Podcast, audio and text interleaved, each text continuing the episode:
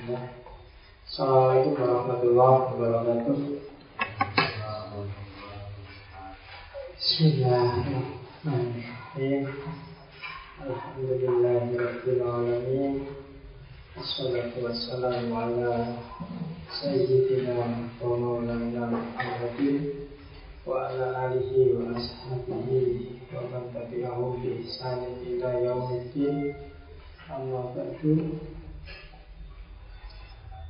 Alhamdulillah malam ini kita bisa lanjutkan ngaji filsafat kita. Hari ini kita ketemu dengan seorang tokoh besar yang sangat berpengaruh dalam sejarah filsafat.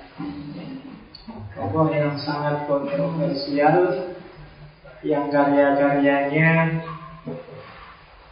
dianggap sebagai puncaknya peradaban yang namanya modern.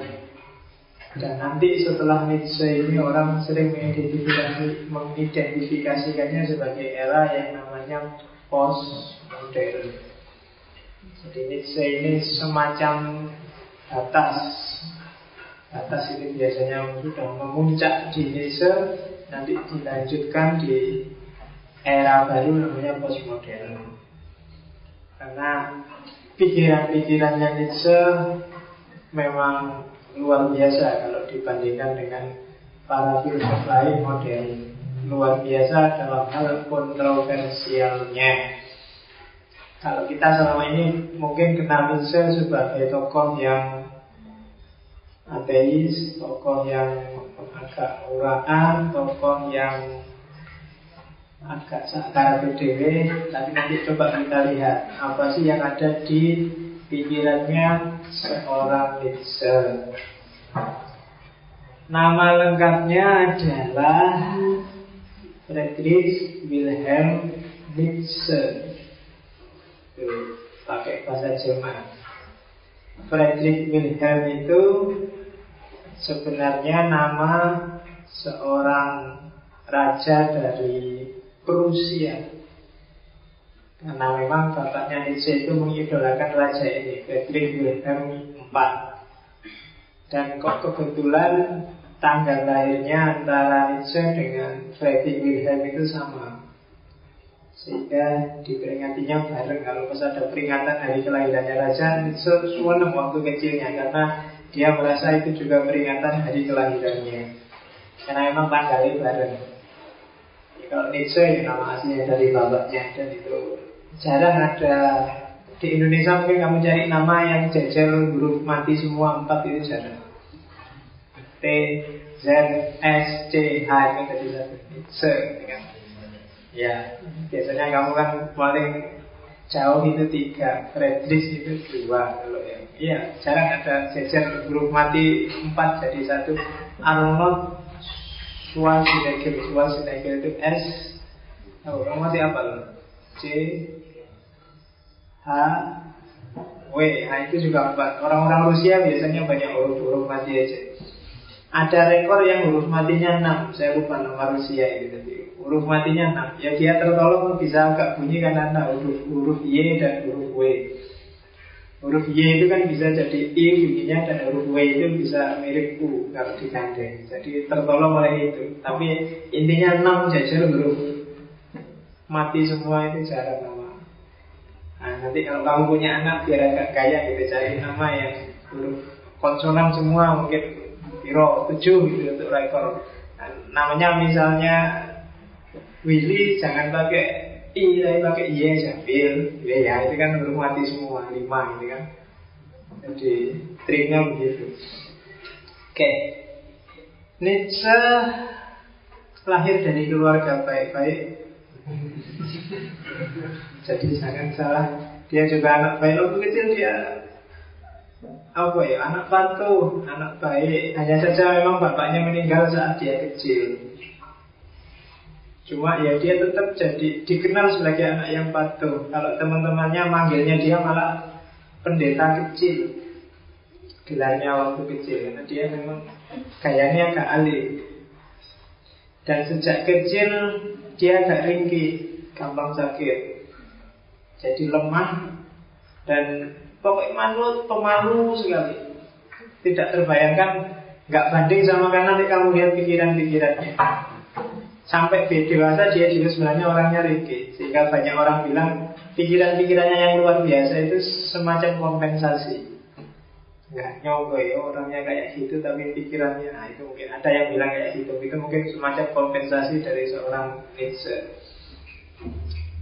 jadi sangat religius sangat alim sangat tertib dan kisahnya nanti dimulai ketika dia remaja. Ketika dia remaja dia mulai mempertanyakan Tuhan dan mendeklarasikan bahwa dia ateis.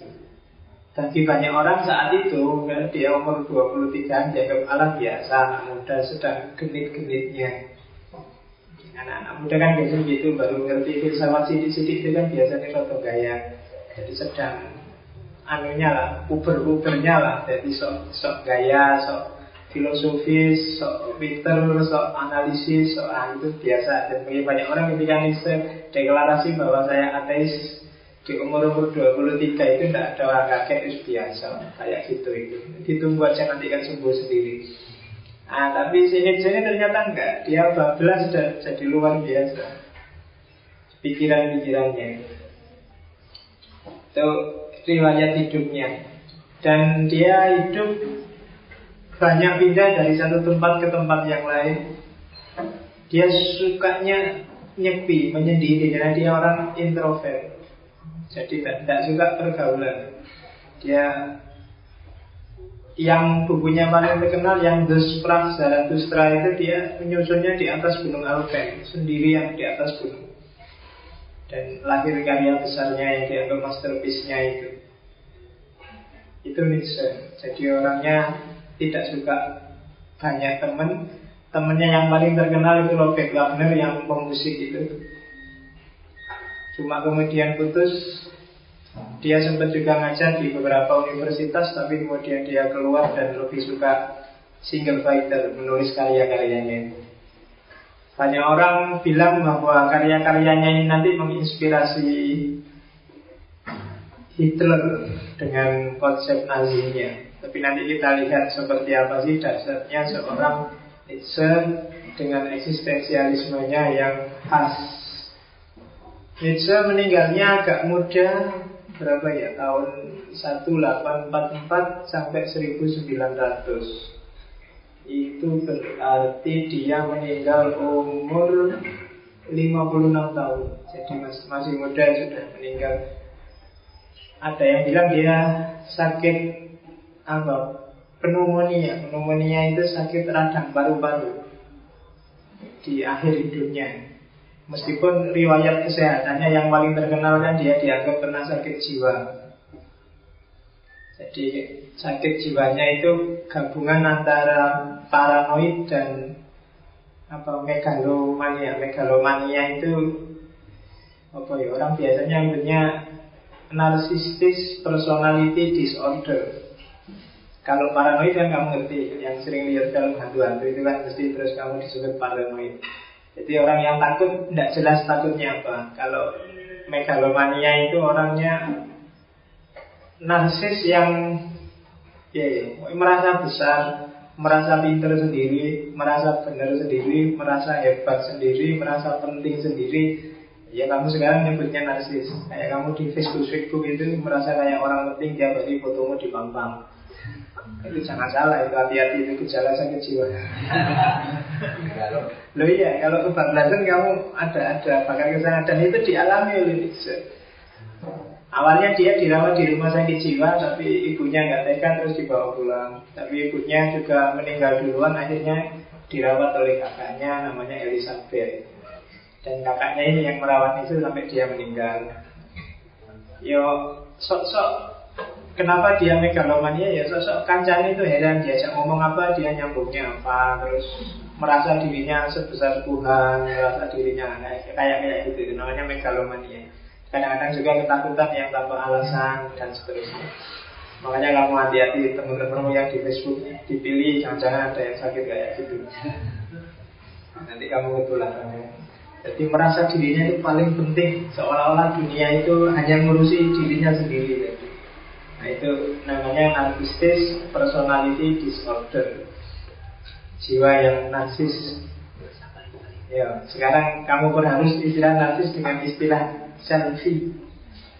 Selfie itu kan moto dewe, dipamang-pamang dewe, dipuji-puji dewe Dibesar-besarkan sendiri Itu ciri-cirinya orang narsis. Kalau ngomong selalu memposisikan dirinya sebagai orang yang penting.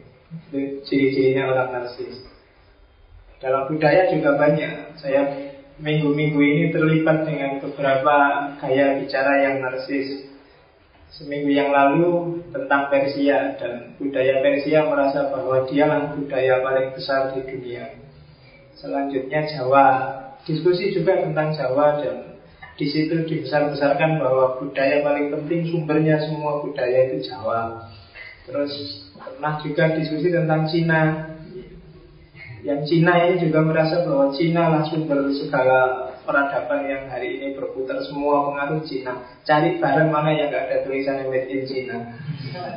Mungkin kan orang donasi juga. Dan tidak ketinggalan juga India. India itu merasa sumber semua peradaban besar dan budaya besar itu ada di India.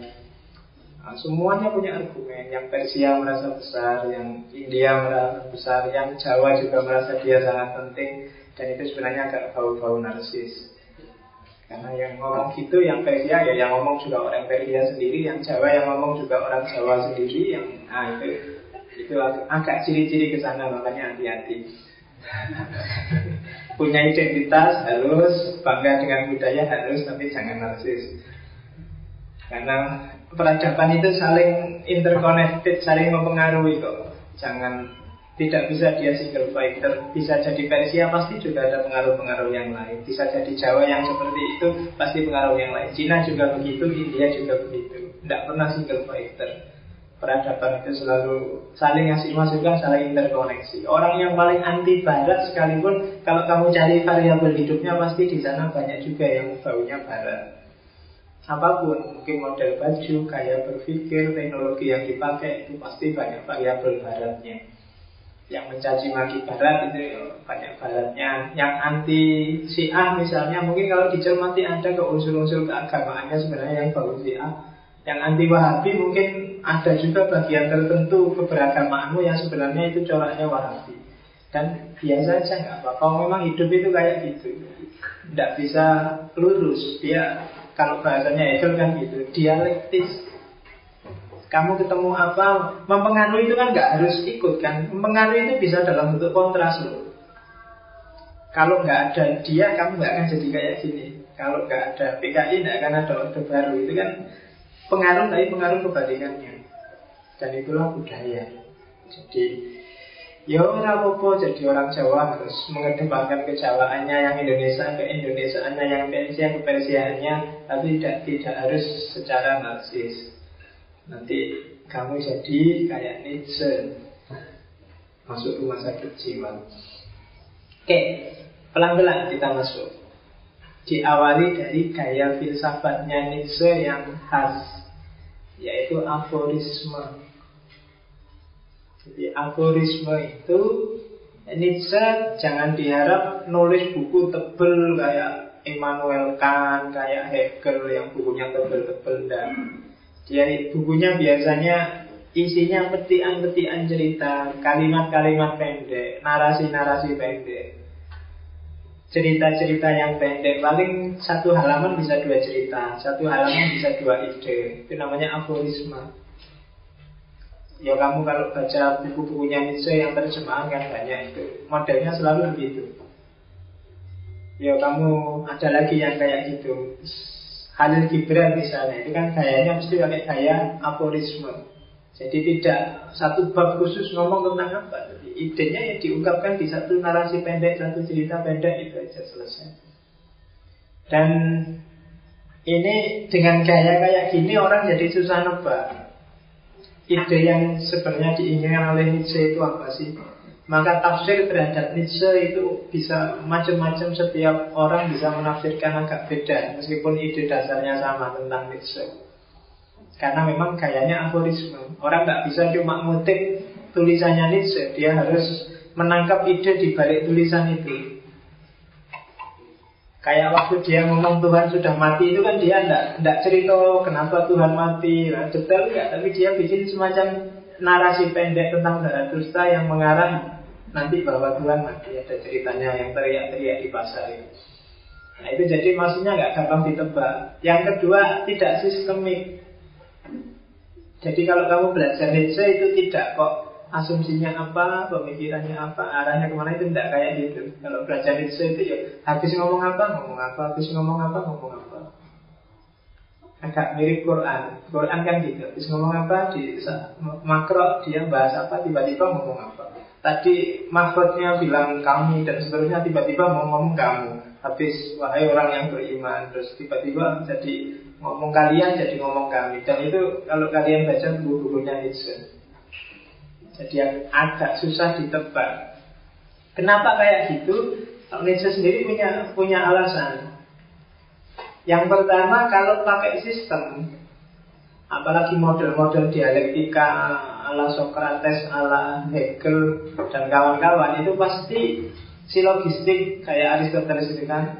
Premis awal ini, premis kedua ini, sehingga kesimpulannya ini. Itu bagi Nietzsche justru tidak filosofis. Misalnya kalau menyimpulkan saya besok mati itu, kenapa saya mati? Karena saya manusia. Dan setiap manusia itu mati. Nah, berpikir kayak gini kan berpikir silogistik. Ada asumsi-asumsi yang itu dianggap pasti benar. Jadi tidak pernah dipersoalkan. Karena kalau permisnya dipersoalkan, konklusinya mesti rusak. Sehingga dengan cara berpikir yang sistemik katanya seorang justru jadi nggak kritis.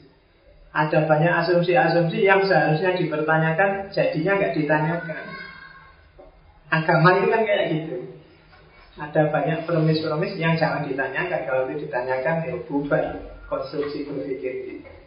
Jadi Nietzsche pakai model aforisme dengan asumsi Jangan dikejar sistem berpikirnya. Terserah lah kamu gali mana dari sana seperti apa Terserah. Jadi Nietzsche nggak pernah giring orang simpulkan ini ke sana Arahkan ini ke situ. Enggak. Bahkan ketika dia ngomong kamu harus jadi Superman, titik. Dia tidak pernah ngomong kayak gimana sih jadi Superman itu. Karena begitu dia ngomong, kamu gagal jadi Superman. Kalau kamu ikut cara yang diberikan oleh Nietzsche, kamu akan gagal jadi Superman. Oh, berarti kamu ikut Nietzsche dan begitu kamu ikut, ya bukan Superman. Karena Superman nggak ikut ikutan.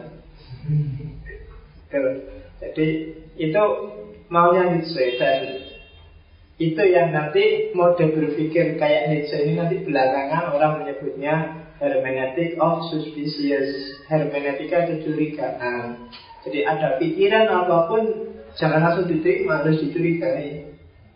Ada kepentingan apa ada asumsi-asumsi apa ada premis-premis apa yang mendahului. Karena setiap orang berpikir pasti ada premisnya pertanyakan juga premisnya jangan tiba-tiba ke kesimpulannya. Karena kalau tiba-tiba ke kesimpulannya berarti ada hal yang tidak kamu tanyakan. Oh itu banyak contohnya tinggal kamu Misalnya setiap muslim pasti cinta damai. Saya muslim maka pasti saya cinta damai. Coba. Asumsi yang apa? Kamu kan mesti duduknya Saya cinta damainya. Belum, coba dicek. Oh benar. Setiap muslim itu cinta damai. Kan gitu. Itu asumsi-asumsinya. Namanya. Itu disebut aforisme. Gaya berpikir seperti ini. Dan itu namanya hermeneutic of suspicious. Jadi curigai semuanya. Jangan mudah dipercaya. Wong ini bikinannya manusia kok. Nah itu maunya Nietzsche Itu yang pertama Yang kedua di termasuk gaya berfilsafat juga adalah mengiyakan hidup. Nah, ini agak unik ini kan. Jadi banyak filosof khususnya dimulai kemarin dari romantisisme yang melihat bahwa ternyata hidup ini bahaya, hidup ini mengerikan, hidup ini ternyata rusak, dunia sosial kita kacau, kondisi yang selalu begitu. Kalau kalian ikut seminar apa pun biasanya diawali dari masalah. Kamu bikin skripsi pun awalnya juga masalah. Pengujimu, pembimbingmu mesti tanya ini masalahnya apa? Kamu kan nggak berani jawab saya nggak cari masalah pak. kan nggak bisa, kamu tetap disuruh cari masalahnya. Kamu nggak boleh nggak ah, Setiap seminar ngomong apa pun pasti diawali dari dunia ini banyak masalah, banyak problem, dan bahkan terus banyak yang cenderung lari dari masalah, banyak yang nolak masalah. Beberapa filosof kemarin kan kelihatan bahwa lari dari masalah. Modern kok usah, sudahlah, nggak usah modern modern itu kan lari dari masalah. Kayak kamu hari ini kan lihat, misalnya lihat perdebatan rumit kan akhirnya kamu lari kan dari masalah. Loh ini ada debat luar biasa antara Wahabi sama Salafi sama tradisional lah terus ah sudahlah nggak itu diskusi kayak gitu mudah duduk terus kamu mikir itu namanya lari dari masalah. Nah, kalau Nietzsche enggak, enggak bisa hidup kayak gitu. Hidup itu harus iya. Apa pun yang kamu hadapi, ya siap, ayo mau apa. Makanya kalau bahasanya Nietzsche kan kalau bahasa Jermannya Zasach Jadi mengiyakan hidup, menyatakan ya Indonesia krisis loh, Indonesia rusak loh Ya, saya yang Indonesia krisis, ya krisis, ayo wis, tidak apa-apa. Mengiyakan hidup. Sekarang mahasiswi itu rusak 90% sudah nggak perawan lagi kan kayak anu kayak gitu kan terus kamu bingung nggak karuan ya sudah lebih ya dihadapin aja. Kalau nuruti yang perawan dan tidak perawan nanti kamu nggak keduman wis ayo lah sembarang jadi nggak usah mikir jeru-jeru ayo mau ketemu perawan tidak perawan tidak mau wis. Jadi mengiyakan hidup. Jangan menidakkan Mengafirmasi. Jadi ya jangan lari dari kenyataan Itu maunya Nietzsche Banyak pikiran-pikiran yang sebenarnya tidak sadar Sebenarnya lari dari masalah Lari dari kenyataan. Kamu didolimi orang, disiksa orang, ditindas orang Kamu terus lari. Anda ah, apa perlu ditindas. Kan tetap nanti dosanya dosaku akan pindah ke dia dosa kan selalu gitu kamu mikirnya. Kamu tidak berani melawan tidak berani menghadapi. Nah itu namanya tidak sabar jadi tidak mengiyakan hidup. Jadi rumus pertama dari Nietzsche adalah terimalah hidupmu apa pun kondisinya. Adanya teus diombe adanya lagi gitu. Jadi Enggak semua yang kamu inginkan terpenuhi kan? Ngajinya kok Mbok jangan jam 8 saya kemalaman Jam 10 ngantuk Mulai ini ya jam-jam 6 gitu. Tapi sini jam 8 ya biar Terima aja dulu. Urusan berontak nanti belakangan Tapi kan ikut dulu. Terima dulu hidupmu. Baru dikonstitusi, baru dikonstruksi. Jadi itu rumusan awalnya Ayo kita hidup. Itu aja. Jangan lari Jangan mundur Jangan terlalu banyak mikir dulu Dialami aja dulu. Diselami dulu. Oke. Ini baru masuk ke teori. Setelah mengalami hidup Coba cermati gaya hidup.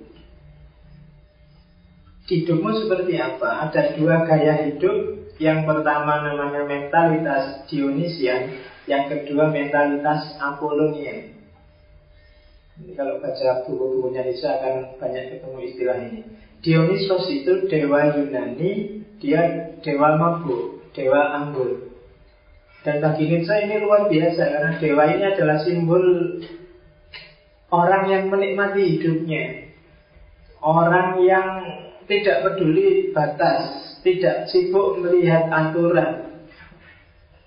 Dinikmati apa pun yang ada di hidupnya itu kan kayak dewa mabuk itu. Negara ini rusak era apa yang penting bisa mabuk, yang penting bisa seneng-seneng kan gitu. Itu mentalitas Dionisian. Jadi aturan norma itu semua gue tak ada kalau bisa tak jalani ya tak jalani kalau enggak ya aku bikin aturan sendiri.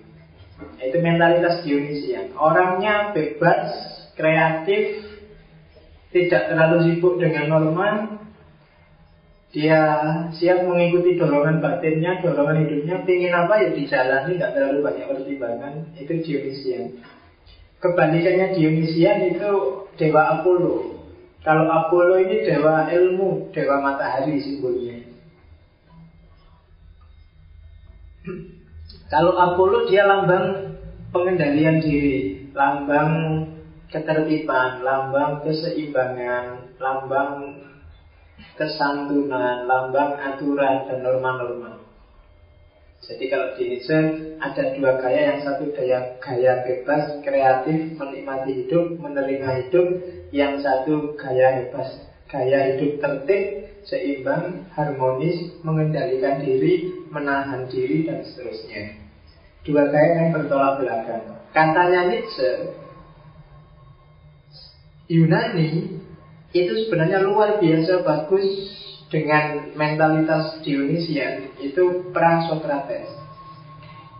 Begitu Socrates dan dua muridnya dan cucu muridnya datang, itu Yunani jadi Apollonian. Ini agak kebalik. Biasanya orang kan membangga-banggakan Socrates dan murid-muridnya bahwa dia puncaknya Yunani. Justru kalau bagi Nietzsche, Socrates dan kawan-kawan ini merusak Yunani. Sebelumnya orang itu bebas mikirnya ekspresif ngomong apa aja boleh oh. Kayak orang sofi soalnya pingin apa boleh menikmati hidupnya Tapi begitu datang Socrates mulai orang diatur-atur Mulai orang diarah-arahkan Yang gini bagus, yang gini etis, yang gini gak etis yang gini. Nah itu bagi Nietzsche Gaya Socrates dengan dialektikanya ini menghancurkan manusia Yunani zaman itu dengan alasan rasionalitas, dengan alasan universalitas. Itu kan gaya Socrates dan ini bagi Nietzsche gaya kayak gini bikin orang tidak otentik, bikin orang harus masuk ke sistem, bikin manusia tidak jadi dirinya tapi jadi kerumunan. Kalau kemarin dikikirkan jadi the crowd, jadi mengalir kayak air di tengah masyarakat jadi nggak nggak ada uniknya. Setiap individu keunikannya nggak diakui. Ada absolutisme moral. Orang dilihat dari perangkat yang dibikin orang lain. Dan ini bagi Nietzsche tidak otentik. Jadi Socrates merusak Yunani. Semakin banyak aturan, semakin manusia nggak bisa mengekspresikan dirinya apa adanya, semakin nggak bisa menikmati hidupnya. Apa pun jenis aturannya Aturan itu kan selalu bikin batas kan? Ayo kalau ke sini nggak boleh pakai celana pendek ya. Nggak boleh pakai Kan bikin batas. Harus pakai sandal nggak boleh pakai sepatu Biar nggak lucu. Masa ke masjid pakai sepatu? Misalnya kan gitu kan? Ah, Bikin ada banyak aturan kalau duduk yang sopan loh, jangan melingkar. Kalau nah kan ada aturan lagi. Kan aturan ya tidak ada. Apanya? Tapi kamu bikin aturan-aturan sendiri yang menghalangi dirimu sendiri. Padahal mungkin kakimu pegel nak kalau karuan, eh kamu meningkrang diri nggak berani kan? Sambil kan agak nggak enak rasanya nggak sopan. Nggak ada yang ngatur padahal itu, nggak ada yang marahin kamu. Kenapa kamu bisa gitu? Akalmu kamu biasakan model Apollonia. Jadi orang apa ayo ayo menikah bareng-bareng apa Ah kan, lu ya nggak ada yang ngelarang kok. Kapan itu Jumatan itu ada jamaah yang gini diingatkan sama sebelahnya biasa gini loh Jumatan Untung orangnya nggak tanya jadi lindi, nggak perlu sini itu, harus silo itu. Emang Jumatan aja, wong duduk aja kok. Ya penting dia duduk enggak nongkrong enggak ada biar aja. Mungkin capek tinggi kan ya. Jadi akal kita terbiasa yang rasional, yang universal. Jadi kita bikin kotak sendiri. Coba lihat anak kecil itu kan Dia bebas mau ngapain aja Nyeplos apa aja dia tidak takut Ngomong apa saja dia nggak takut Dan tidak ada orang marah karena dia otentik Tidak dibikin-bikin Kalau kamu sekarang mungkin kaya itu Tapi sebenarnya bikin-bikin Jadi malah tidak otentik kalau di sini kan menyebutnya pencitraan kan, kayaknya Andi pencitraan itu biasanya tidak gitu. Dorongan jiwamu nggak ke situ, cuma ya ingin dianggap alim aja. Kalau Nietzsche tidak ke situ. Dionysian. Peradaban akan berkembang, manusia akan maju kalau mentalitasnya Dionysian. Kalau cuma Apollonian yang ada adalah kerumunan. Orang manut aja dengan orang lain. Manut aja dengan aturan. Manut aja dengan kata orang dan seterusnya. Nah ini dua jenis mentalitas ini akan bermain terus di pikiran-pikiran yang ke belakang. Terus tentang moral. Kunci serangannya itu kan sistem moral masyarakat modern. Jadi katanya Nietzsche Iya, memang setiap orang punya horizon-horizon moral, punya pedoman-pedoman perilaku, mana yang boleh, mana yang nggak boleh, mana yang benar, mana yang salah, mana yang pas, mana yang nggak pas. Hanya saja orang salah menyikapi horizon-horizon moral yang ada dalam hidupnya. Seolah-olah kamu menganggap bahwa nilai-nilai moralitas, aturan-aturan, norma-norma hidup itu sifatnya natural. Include dalam hidup kita. Padahal katanya Nietzsche nilai-nilai moral itu baik buruk itu benar salah yang kamu jadikan pedoman hidupmu itu bikinan manusia. Yaitu katanya Yesus mungkin yang bikin bisa Plato, bisa John Locke, bisa Hegel, bisa Buddha, bisa Thomas Jefferson, bisa Yesus. Kalau tak tambah lagi mungkin bisa Nabi Muhammad. Mungkin ya rawani gue Itu kan serangannya ke moralitas Kristen. Jadi itu sebenarnya bikinan. Tapi kamu merasa seolah-olah itu natural. Orang-orang itu, Plato dan kawan-kawan itu menemukan hukum moral. Padahal dia tidak menemukan, dia cuma bikin. Cuma kita menyikapinya seolah-olah ini sudah ada dan dirumuskan Plato bisa menemukan hukum moral. Dia nggak nemu, dia cuma ngarang bikin sendiri. Apa pun jenis moralitasnya, Buddha juga begitu, Yesus juga begitu. Dan pasti ya sesuai konteksnya Yesus, sesuai konteksnya Plato, sesuai konteksnya Hegel. Karena dia bikin sesuai dirinya, sesuai perspektifnya. Hanya kita nganggapnya itu tidak dibikin tapi ditemukan sehingga seolah-olah jadi tanggung jawab kalau saya manusia yang benar harus ikut itu. Padahal itu bikinannya mereka. Nah, itu Nietzsche. Terus Karena itu, karena dia bikinan, maka dia sifatnya tidak absolut. Boleh dikritik kalau kamu merasa nggak pas, nggak apa-apa. Ngomong itu perspektif kok. Kalau kamu merasa ini tidak relevan lagi, tidak nyambung lagi aturan kayak gini, tidak apa-apa. Dari siapa pun itu. Kalau agama ya dari nas mana pun, dari ulama mana pun, kalau kamu merasa nggak cocok ya tinggal aja wong itu pikirannya mereka. Itu katanya Nietzsche. Karena itu, ya implikasinya kan yang tak kasih hijau itu berarti apa? Tidak ada kebenaran di luar manusia dan di luar masyarakat. Yang namanya kebenaran itu ya kebenaran versinya manusia. Wong ini ngomong tentang manusia. Kalau itu versinya manusia ya berarti kan tidak absolut. Manusianya sendiri juga tidak absolut. Dia terbatas oleh lingkungannya, oleh dunianya. Yang kedua, nilai, norma, moralitas itu kan sebenarnya tempelan. Itu kan sebenarnya semacam makna hidup yang kamu berikan pada hidupmu. Yang pertama-tama ada itu hidupnya, terus kamu kasih makna. Orang Kristen masuk ke gereja ya mungkin dia sambil menunduk, sambil hormat, sambil takut. Aturannya begitu, sama kayak kamu kalau masuk masjid sandalmu dicopot karena hormat. Bagi kamu dia sakral, tapi bagi orang Kristen masjid nggak sakral. Bagi kamu gereja kan nggak sakral. Jadi kamu sopan ke gereja, kamu sopan ke masjid, kamu sopan ke anu itu kan sebenarnya norma-norma yang dibikin ditanamkan padamu sejak kamu kecil. Itu makna-makna hidup yang dikasihkan oleh lingkunganmu. Ada yang rasional, ada yang nggak rasional, ada yang bisa kamu jalankan, ada yang nggak bisa, ada yang kamu sadar baru belakangan ini. Oh, dulu manut aja ya aku waktu kecil. Ada yang kayak gitu. Zaman saya kecil nunjuk masjid kayak gini aja nggak boleh. Nunjuk. Zaman saya kecil itu kalau ada mustokonya masjid itu nggak boleh ditunjuk kayak gini karena kalau berani nunjuk tanganmu akan melengker apa? Jadi keriting apa bahasa Indonesia ini? Loh itu nyoba aja nggak berani loh. Kalau melanggar beneran gimana jadi kalau ah, nanti kalau beneran gimana?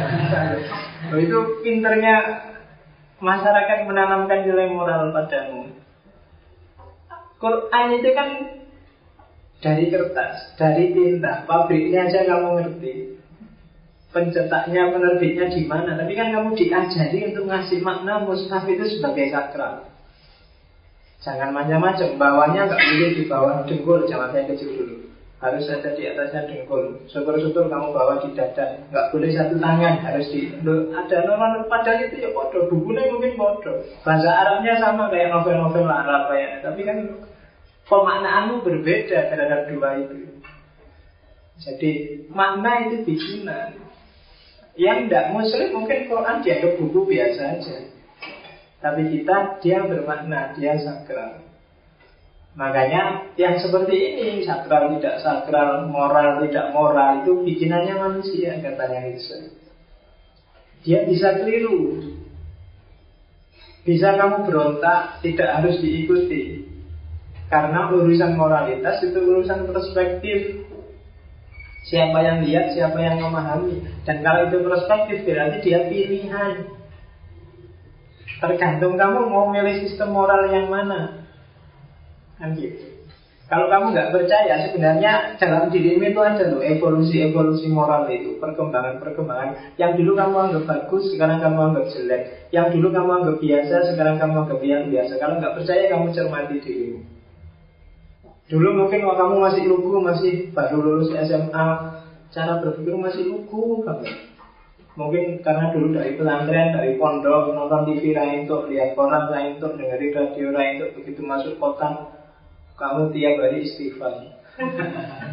Dengan astagfirullah. Naik bis ada orang pacaran astagfirullah. Orang kiri ada orang pakai rok ini astagfirullah. Lihat temanmu di kampus, aduh astagfirullah. Iya, tadi istighfar kamu. Tapi lama-lama kan ada evolusi, ada adaptasi-adaptasi. Sekarang biasa kan? Kalau dulu lihat orang rok ini astagfirullah, sekarang ganti al. ada evolusi kamu nggak sadar. Kamu kan enggak pak nilai moral itu enggak. Sekarang ada evolusi evolusi. Mungkin lingkungan yang bikin kamu jadi berubah. Dan karena itu pilihan, moralitas itu pilihan. Kamu mau pilih yang mana?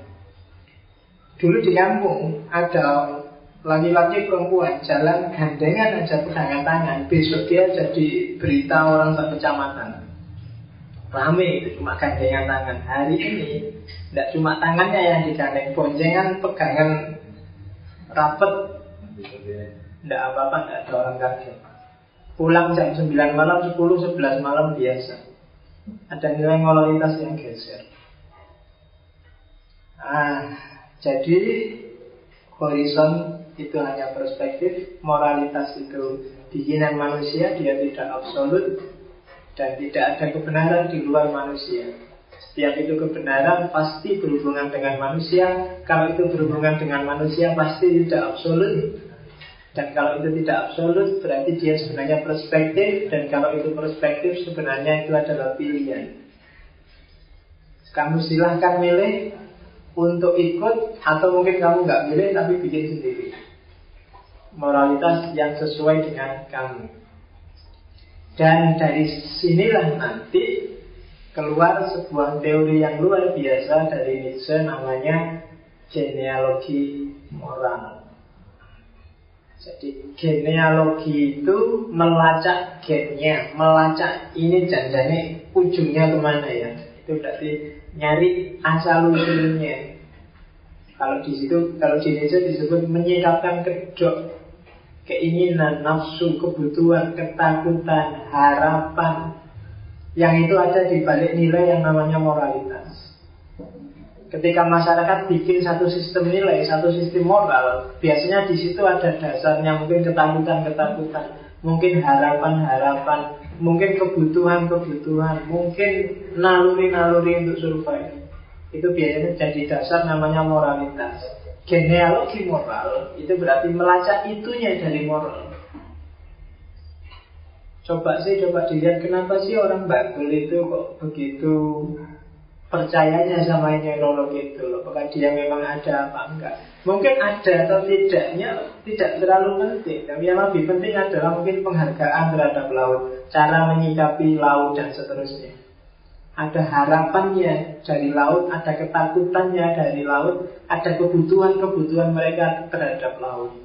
Maka diciptakanlah mitos-mitos, diciptakanlah simbol-simbol yang itu.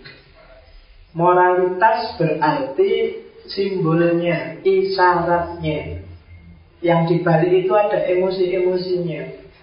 Ada hal yang diwakilinya. Jadi moralitas itu ada yang diwakili. Tadi kamu disuruh pegang Quran nggak boleh di tenteng pakai satu tangan. Di balik itu ada harapannya. Juga ada ketakutannya. Mungkin takut kualat. Mungkin harapannya karena biar kamu hargai Quran, biar kamu letakkan dia tinggi dalam hidupmu, biar ada harapannya, ada nilainya. Ada rasionalitasnya, ada objektivitasnya yang disasar dari sebuah moralitas. Jadi genealogi moral itu berarti kejar itu. Jadi kalau ada nilai apa pun yang dipegangi oleh masyarakat, biasanya dia tidak akan lepas dari selubungnya. Dia sebenarnya hanya menyimpulkan harapannya masyarakat, kebutuhannya masyarakat, pandangan tertentu masyarakat. Maka nilai, jangankan masyarakat, masyarakat masyarakat kecil dia juga punya simbol-simbol sendiri. Di sini ada pengajian Jawa, pengajian filsafat. Di masjid yang lain mungkin malah kejawen itu haram, filsafat atau pemanen haram. Mereka punya punya sistem nilai sendiri dan ini mewakili ideologi mereka masing-masing mewakili keinginan mereka, kebutuhan mereka. Jadi ternyata mana yang benar, mana yang salah itu tidak serta merta tergantung objektivitas bahwa ini benar, ini salah, tapi itu sifatnya genealogis. Ini benar kalau ditarik ke mana dulu, ini benar dari perspektif siapa dulu, selalu begitu. Jadi belajar moral itu belajar genealogi. Mungkin sering tak ceritain ada beda kontrak Misalnya saya punya dua teman Dari dua daerah yang berbeda Di teman yang satu ini ada sistem moral bahwa Kalau kamu dikasih suguhan Dikasih makan harus habis Kalau nggak habis kamu dianggap melecehkan tuan rumahnya Di daerah yang satu ini Kalau kamu dikasih suguhan makan Kalau dikasih makan jangan sampai dihabisi Gawat, kalau, di, kalau kamu menghabiskan makanannya Kamu dianggap rakus, dianggap geragas. Ya kan? Dua sistem ini kamu terus tanya, terus yang benar yang mana? Ya dilihat dari mananya dulu. Itu namanya genealogis. Siapa yang ngomong itu sih? Masyarakat mana yang ngomong kayak gini? Dia mewakili siapa? Ada klaster masyarakat kalau yang ngomong itu kerasnya luar biasa. Ada yang lembut, marah aja kelihatan gomak-gomak lembut. Orang Jawa misalnya kan Nesune ra ketara. Aku ki nesu lho. Marah yo kok gitu tapi aja ngono to aku nesu lho. Ya wis lah. Gaya yang style yang yang kayak gini ini sopan. Tapi bagi yang punya tradisi beda, nesu kok kayak gitu. Nesu itu ya langsung sikap aja.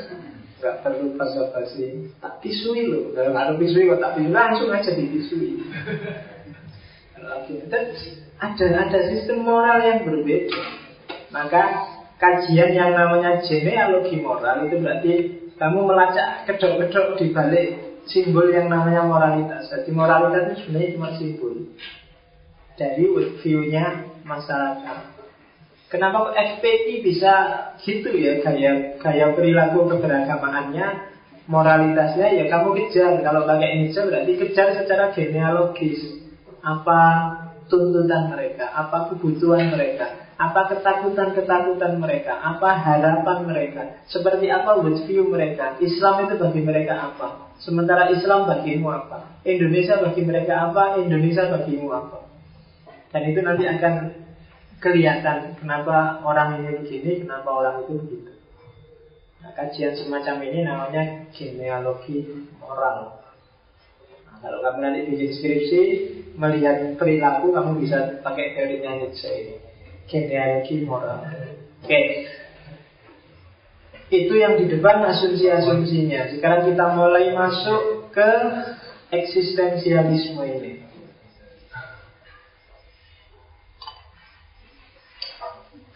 kita lihat sebuah cerita namanya eksistensialisme dari Nietzsche ada moralitas Tuhan ada moralitas Buddha.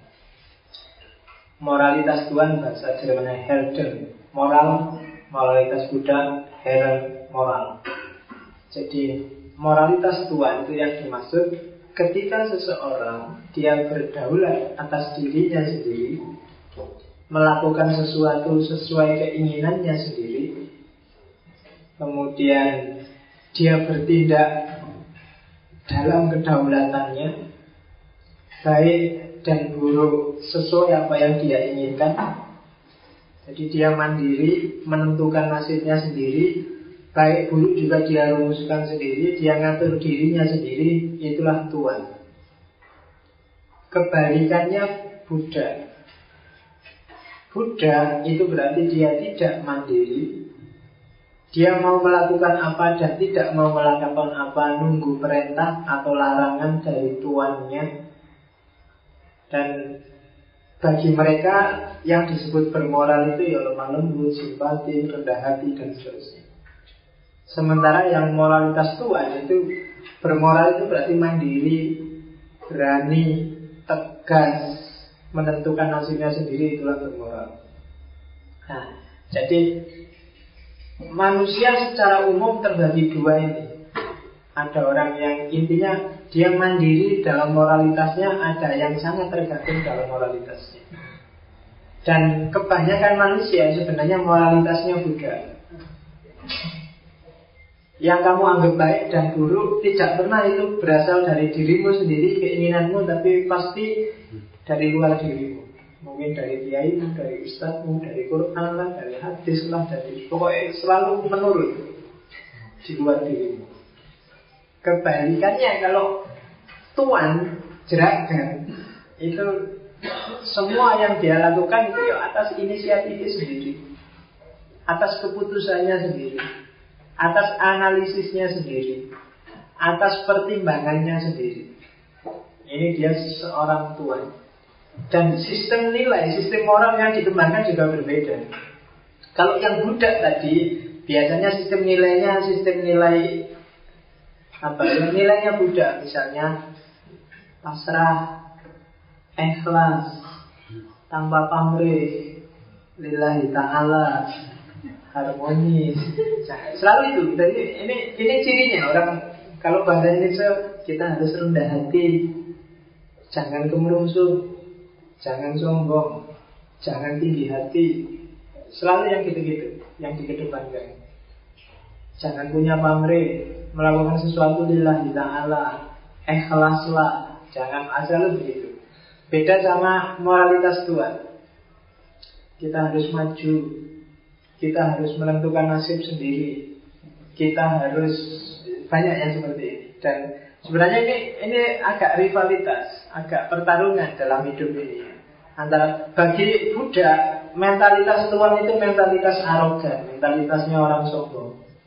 Bagi Tuhan, Buddha itu mentalitasnya orang lemah. Ya kan? Ya ini persis relasi antara juragan sama buruh itu. Buruh yang baik itu kan buruh yang manut, nggak pernah komplain, disuruh apa aja jalan, susah-susah juga ditanggung, ikhlas bantu dan seterusnya. Dan juragan yang baik kan juragan yang bisa ngatur, juragan yang merentah, juragan kalau juragannya lemah lembut, juragannya nggak nggak bisa dia akan jadi juragan.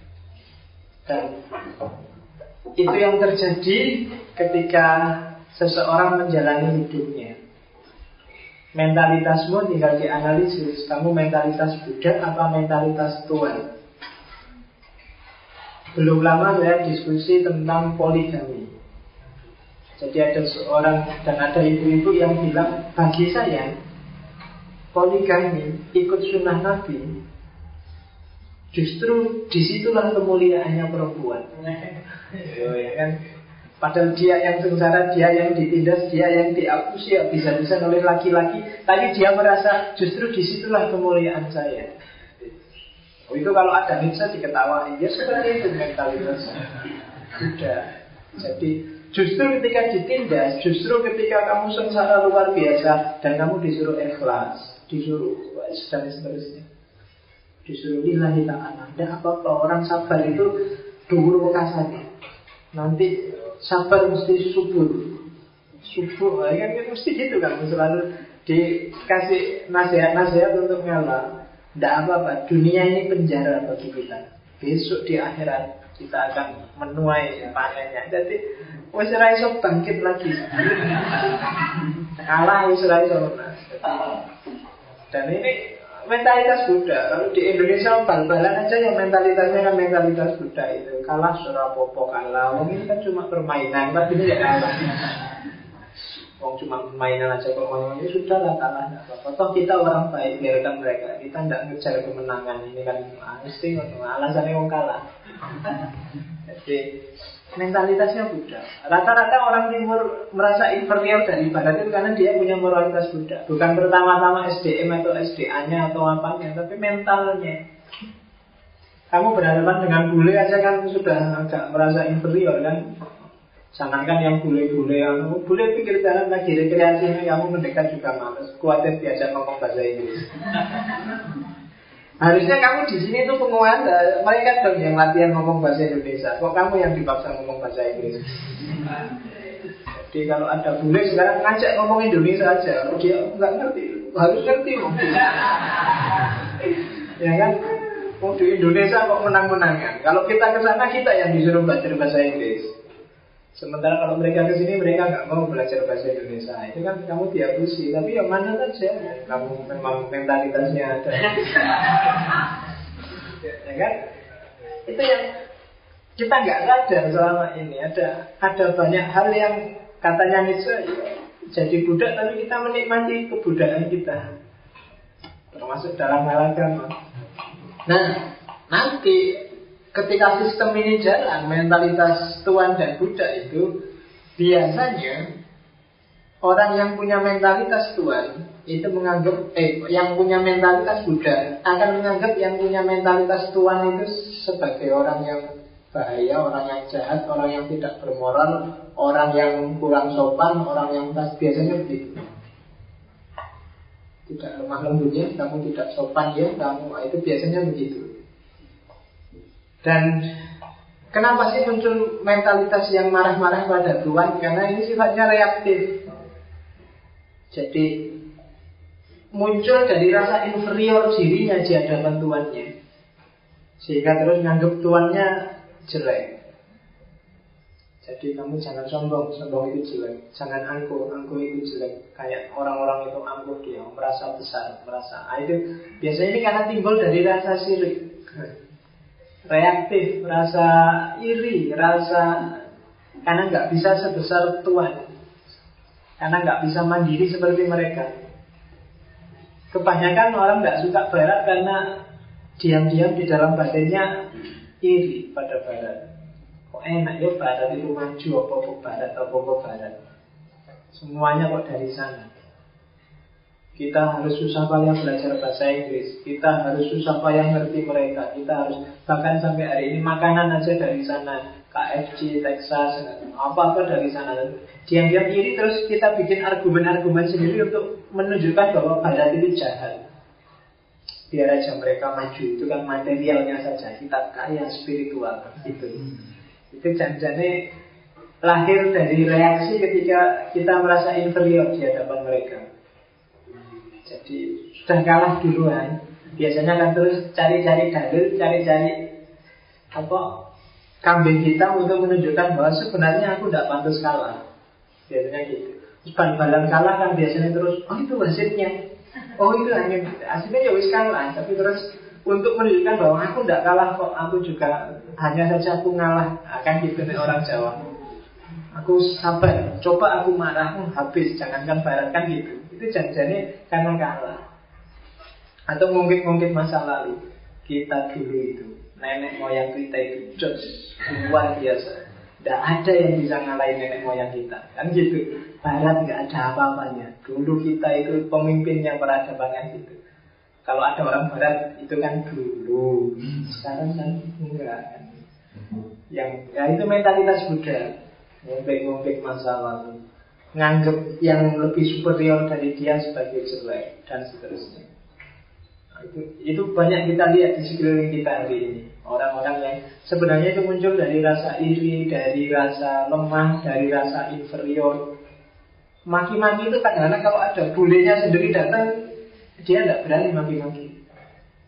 Begitu meritik Barat, nanti diskusi beneran sama Barat juga mandu-mandu aja. Kenapa dia merasa ini mental inferior? Ya kayak bener juragan sama guru. Kalau juragannya nggak ada, itu sama guru mesti ngomongin ngerasanya juragan.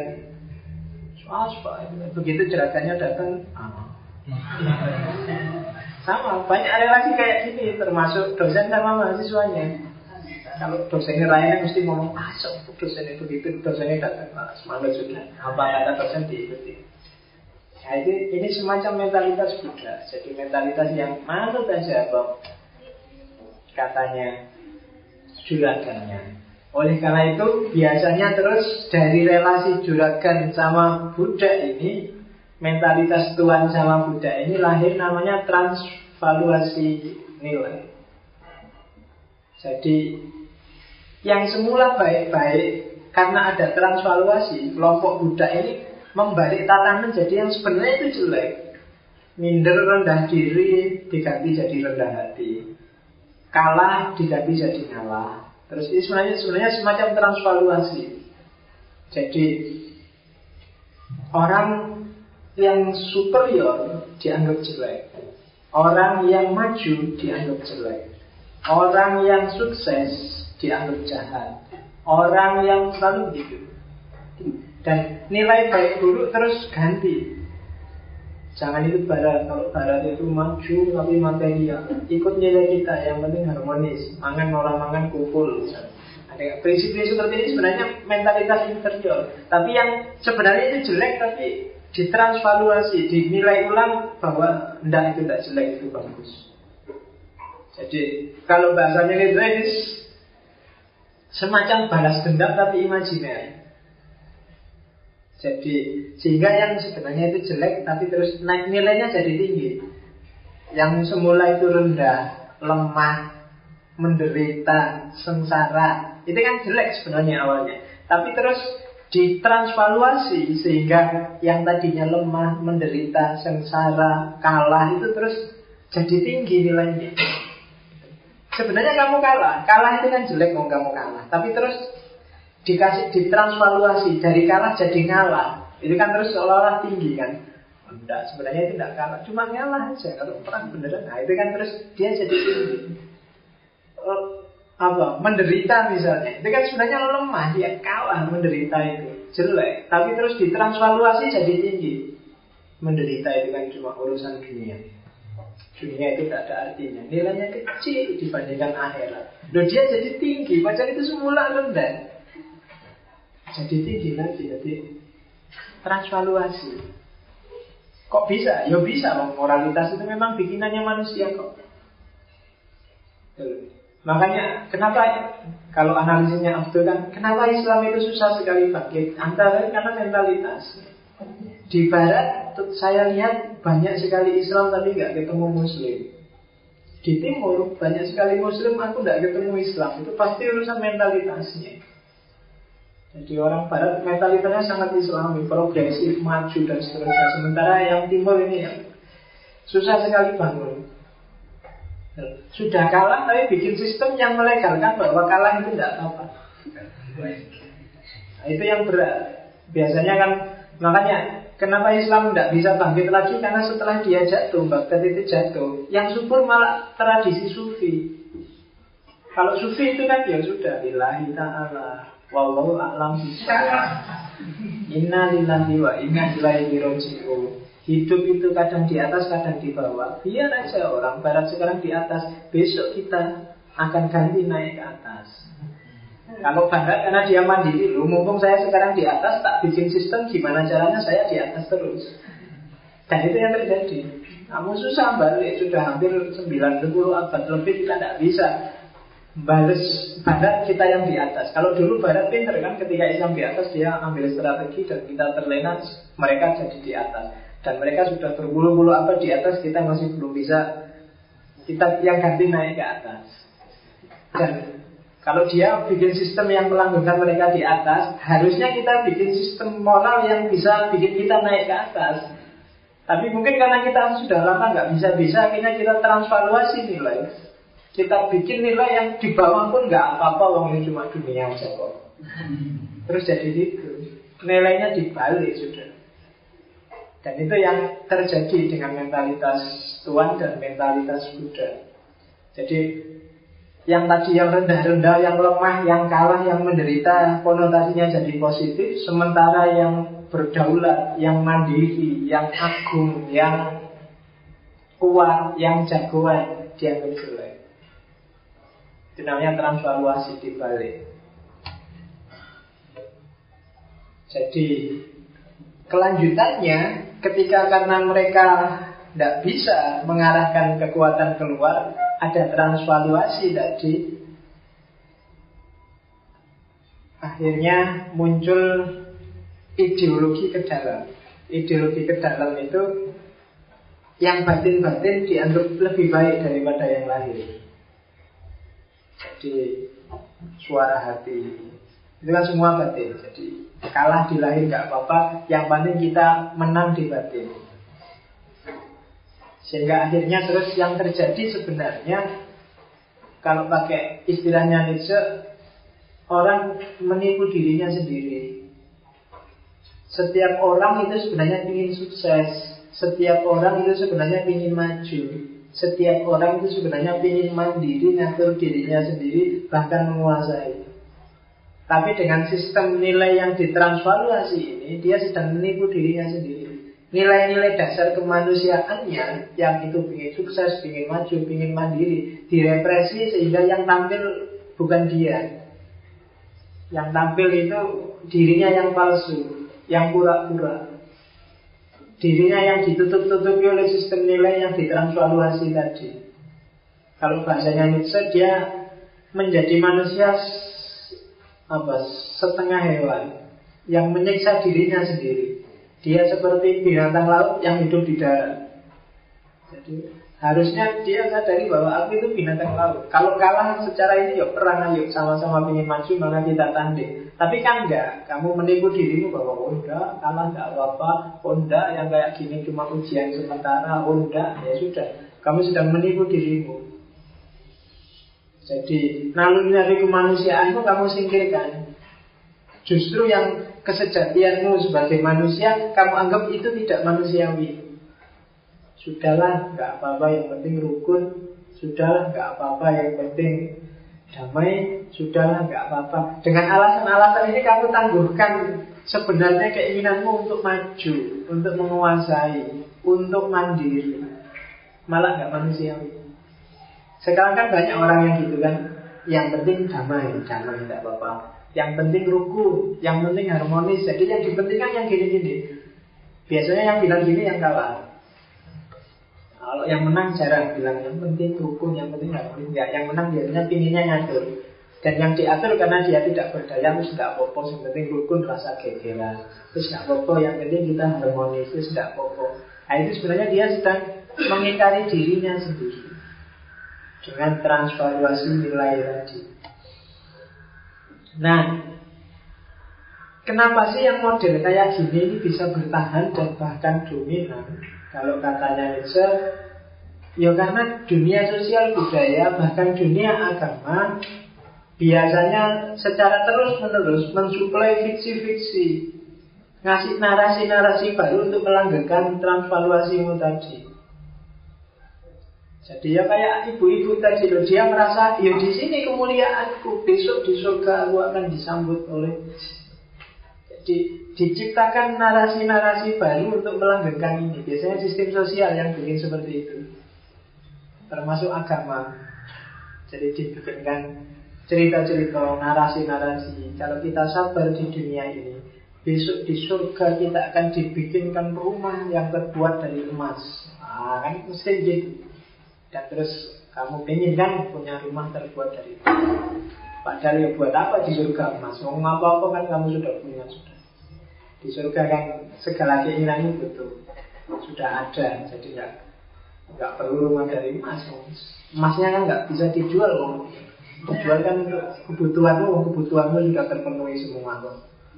Itu, tapi narasi-narasi kayak gini yang melanggengkan itu agama misalnya kalau kamu jeli sebenarnya Quran, hadis itu bilangnya misalnya tentang surga, tentang neraka itu cuma sedikit. Pokoknya di surga ada gini-gini neraka. Hanya tafsirnya para ulama, narasi-narasi yang dibikin tentang yang eskatologis ini biasanya mengarah untuk melanggengkan tadi, transvaluasi tadi. Sudahlah jangan gitu. Kalau kamu gitu, nanti di neraka kamu akan dipalu kepalamu sampai nah, gitu. Nanti anumu akan dipotong pakai gunting sampai putus terus balik lagi dipotong lagi balik lagi. Kamu kejar habisnya apa Qurannya kamu akan mati-matian bingung nyari apa ada anunya dipotong balik lagi dipotong. Tapi itu kalau kamu lihat komik-komik surga neraka yang zaman saya kecil itu kan kayak gitu ada.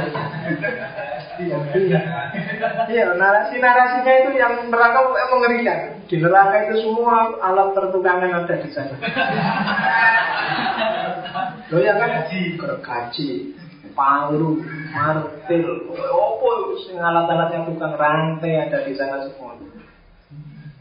Dan itu untuk nyiksa kita. Besok kalau kita suka ngadu ayam, kita akan diadu oleh ayam. Kita suka ngadu jangkrik, kita akan diadu oleh jangkrik. Narasi-narasi kayak gini sering melanggengkan transvaluasi, melanggengkan mentalitas Buddha. Jadi kita bikin fiksi-fiksi sendiri yang menjebak kita sendiri. Banyak yang seperti ini. Dunia sosial juga begitu. Mungkin mungkin bikin-bikin narasi tentang jin, setan, genderuwo, bikin-bikin narasi tentang hati-hati di jangan gitu loh dulu masmu kayak gitu akhirnya pasti ngomong Pak Demo dulu melakukan itu oh, jadi terus ada yang kayak melanggengkan sistem sosial melanggengkan mentalitas yang juragan untuk juragan yang budak untuk budak. Jadi tidak bisa maju-maju kalau dulu orang Indonesia mungkin punya mentalitas Tuhan, mungkin nggak nggak perlu lama-lama dijajah oleh Belanda. Nggak perlu lama-lama didominasi Bahkan sampai hari ini. Kalau kita semua punya mentalitas Tuhan Tapi karena kita mentalitasnya Buddha Jadi kita bisa menikmati tersiksa itu Itu kan berat Indonesia itu krisis mulai 98 Kita masih enjoy aja Masih seneng aja Karena memang konstruksi mental kita Konstruksi mental yang Buddha Kalau katanya itu Jadi Bukan urusan tahan banting atau tidak tahan banting. Yang tahan banting itu juga semacam transvaluasi. Kamu disuruh yang tahan banting dong, tahan menderita dong. Padahal menderita itu jangan terlalu tahan. Kalau terlalu tahan, kamu nggak nyari obat. Kalau kamu alah cuma pusing kayak gini aja, kamu nggak nyari obat. Bila perlu kamu gampang sakit, biar serius nyari obatnya. Zaman dulu waktu krisis 98 semua negara segera ingin sembuh Thailand, Malaysia, Korea Itu semua segera ingin sembuh Dan 2-3 tahun semuanya sembuh Yang belum sembuh-sembuh itu Indonesia Mereka tidak tahan menderita. Kita terlalu tahan. Nah, ya kan? Bahkan kita bingung kalau tidak menderita. Kan gitu. Loh kita dijajah Belanda 350 tahun lebih Terus diganti Jepang. Begitu penjajahnya hilang Kita bingung dulu loh saat itu. Makanya bunyi proklamasi itu kan membingungkan Hal-hal yang Apa? Pemindahan Mengenai pemindahan kekuasaan dan lain-lain Itu kan saking bingung Gue apa wajib Dan lain-lain Pokoknya diurusi mungkul lah. Dan terus apa sih diurusi sampai hari ini juga tidak jelas. Sampai kegeran sama teman-temannya sendiri. Ada pemberontakan pemberontakan karena kita tidak jelas. Kalau nggak dijajah kita bingung. Kalau nggak diatur kita bunyi coba orang-orang dalam bapak-bapak bebas mau apa mesti terus tanya lo kita enaknya gimana ya pak gitu tidak bisa disuruh bebas karena sejak awal mentalitasnya mentalitas yang diatur disuruh ngatur nggak bisa dan itu makanya kalau ikut Nietzsche, kalau ingin Indonesia ini sukses keluar dari krisis, pertama-tama harus digarap mentalnya. Karena kita ya kayak budak tadi loh, terus reaktif balas dendam. Karena kita nggak bisa ikut mereka, kok enak mereka korupsi, aku nggak kebagian terus jadi kamu pada siapa saya suudon karena gara-gara kamu nggak kebagian. Kalau ada orang baik-baik, kamu anggap wah dia mesti pencitraan. Kalau ada orang jelek dibicarakan orang tak Indonesia, yes mentalitas Buddha. Ya termasuk suka gosip itu kan sebenarnya mentalitas Buddha. Kamu senang sekali kalau ada gosip baru, kalau ada berita baru. Itu namanya transvaluasi. Oke.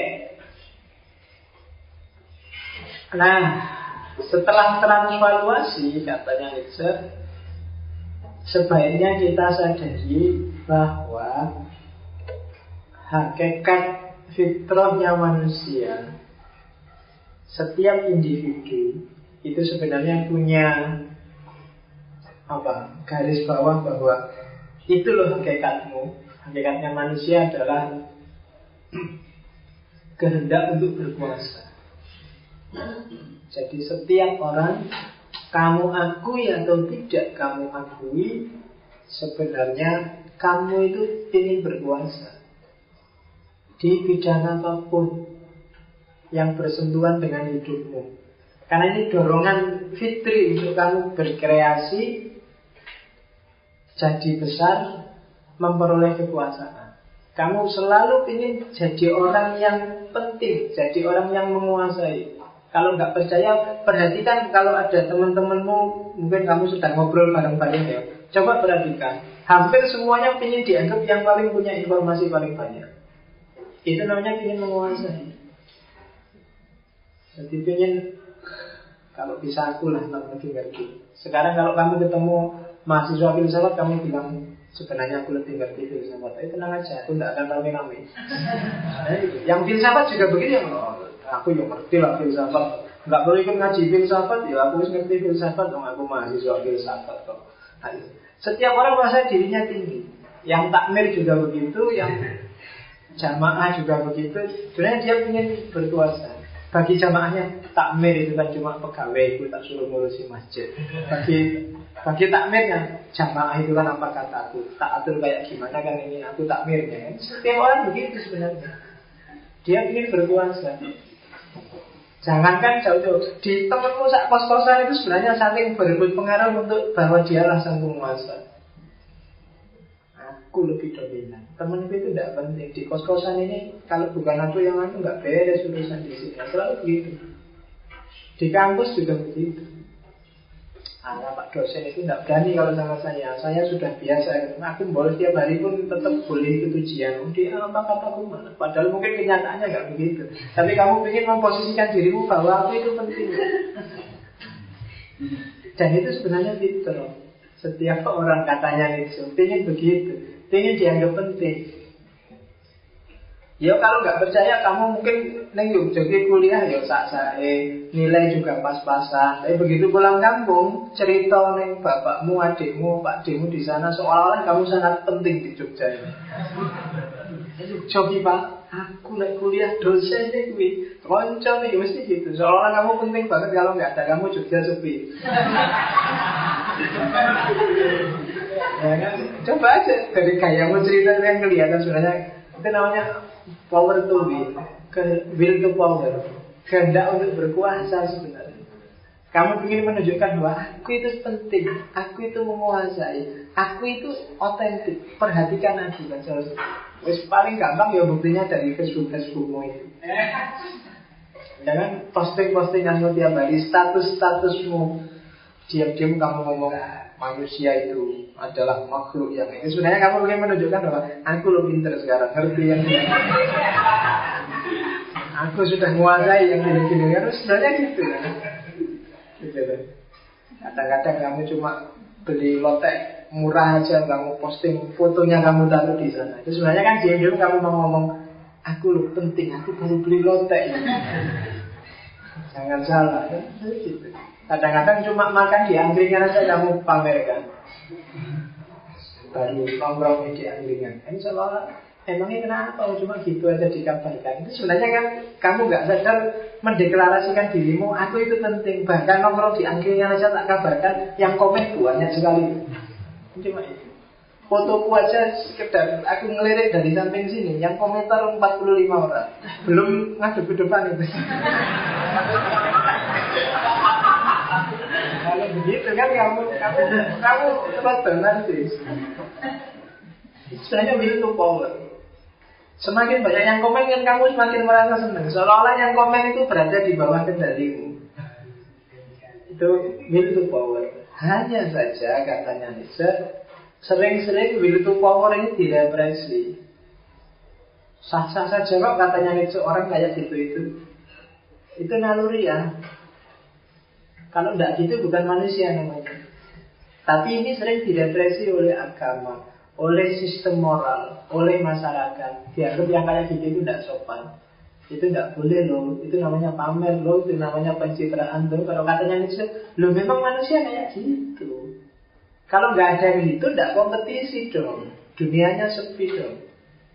Ya harus begitu. Sana nganggap dirinya penting, sini nganggap dirinya penting. Ya wis kompetisi loh. Nanti sejarah yang membuktikan siapa yang sebenarnya paling penting. Jadi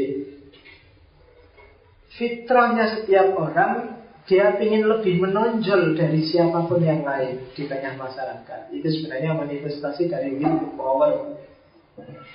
Kalau kamu tidak percaya, Ketika kamu lihat foto bareng-bareng misalnya, yuk kita foto yuk ngaji filsafat ini foto bareng-bareng di depan, terus fotonya kamu posting di Facebook, yang kamu lihat pertama fotonya siapa? Mesti kan gambarmu dewi kan? Aku dia, mesti gitu. Jarang kamu lihat temenku mah, mesti kamu dulu yang ingin kamu lihat. Kamu ingin selalu lebih menonjol. Kalau kelihatan nggak menonjol, lo wajahku kok ketutup ya, mesti kamu kecewa. Aduh, aku kok posenya jelek ya. Jadi kamu harus tampil selalu wah, selalu nomor satu, selalu penting. Karena memang kita punya naluri untuk menonjol. Kita punya naluri untuk jadi orang penting, melebihi masyarakat. Hanya saja agama, budaya, sistem moral sering bikin kita memaksa kita untuk tenggelam di tengah masyarakat. Sering bikin kita harus rutin jadi orang yang ikut apa kata dunia sosial di sekeliling kita. Dan ini jadi masalah. Katanya Nietzsche. Orang jadi nggak otentik lagi. Yo tuh cuma lotek sama gado-gado di upload, cuma makan sama tempe di upload, ya apa-apa. Ekspresi dirimu kamu ingin menunjukkan yang itu, ya tunjukkan aja, nggak mau. Gak usah takut, eh nanti dianggap nggak sopan ya, nanti dianggap narsis, dianggap pamer, nggak apa-apa. Itu nalurinya memang. Setiap orang ingin disebut menonjol dan itu yang disebut kehendak untuk berkuasa. Maka Nietzsche bilang bahwa dunia ini sebenarnya adalah kehendak untuk berkuasa dan tidak lebih dari itu. Dan kamu pun sebenarnya adalah kehendak untuk berkuasa dan tak lebih dari itu. Di hidup kita sebenarnya isinya dua, menaikkan derajat kita setinggi mungkin atau menunjukkan bahwa orang lain di bawah kita. Biasanya isinya cuma dua itu. Kadang-kadang ada kamu ketika sudah merasa, wah aku kok ada jeleknya ini. Untuk bikin kamu tertinggi, kamu akan bilang bahwa orang lain banyak yang lebih jelek dari aku. Biasanya gitu. Ketika kamu keliru, kamu akan tunjukkan bahwa orang lain banyak yang kelirunya lebih dari aku. Kadang-kadang misalnya ada ditangkap karena korupsi, Terus diwawancara, jawabannya mesti ngapain sih sibuk ngurusi aku? Yang lain korupsinya lebih besar dari aku. Senturi coba diurusi, apa coba diurusi? Itu sebenarnya sedang ingin menunjukkan bahwa meskipun aku salah, jangan sampai aku tenggelam. Aku harus tetap muncul karena yang lain ada yang lebih bawah dari aku. Nah itu sebenarnya naluri manusia dan bagi Nietzsche itu daya hidup yang paling primordial. Jadi yang paling dasar dalam diri manusia bahkan ilmu, bahkan pengetahuan. Kamu punya pengetahuan, kamu belajar, kamu kuliah, itu kan sebenarnya nama lain kamu ingin menguasai sesuatu atau menundukkan sesuatu. Belajar filsafat, belajar kejawen, belajar apa pun itu sebenarnya kan ada misi tersembunyi yang tidak sekedar ngerti ilmunya, tapi ada yang ingin kamu tundukkan. Saya ingin menaklukkan khazanah sastra Jawa. Saya ingin menaklukkan filsafat itu apa sih? Saya ingin selalu begitu. Dan itu sebenarnya mewakili kehendak untuk berkuasa. Tidak pernah orang sain for sain itu tidak ada. ada kalau filosof sain for sain mungkin kritiknya bisa ketemu di Habermas. Tapi yang jelas tidak tidak bisa kehendak untuk berkuasa itu primordial. Jangan ditipu, jangan ditenggelamkan oleh apa pun termasuk oleh agama. Termasuk oleh sistem budaya, termasuk oleh sistem moralitasnya masyarakat. Nah, oleh karena itu Setiap orang itu harusnya dia jadi Superman, Superman. Jadi manusia, sebenarnya makna letterlengnya itu manusia atas.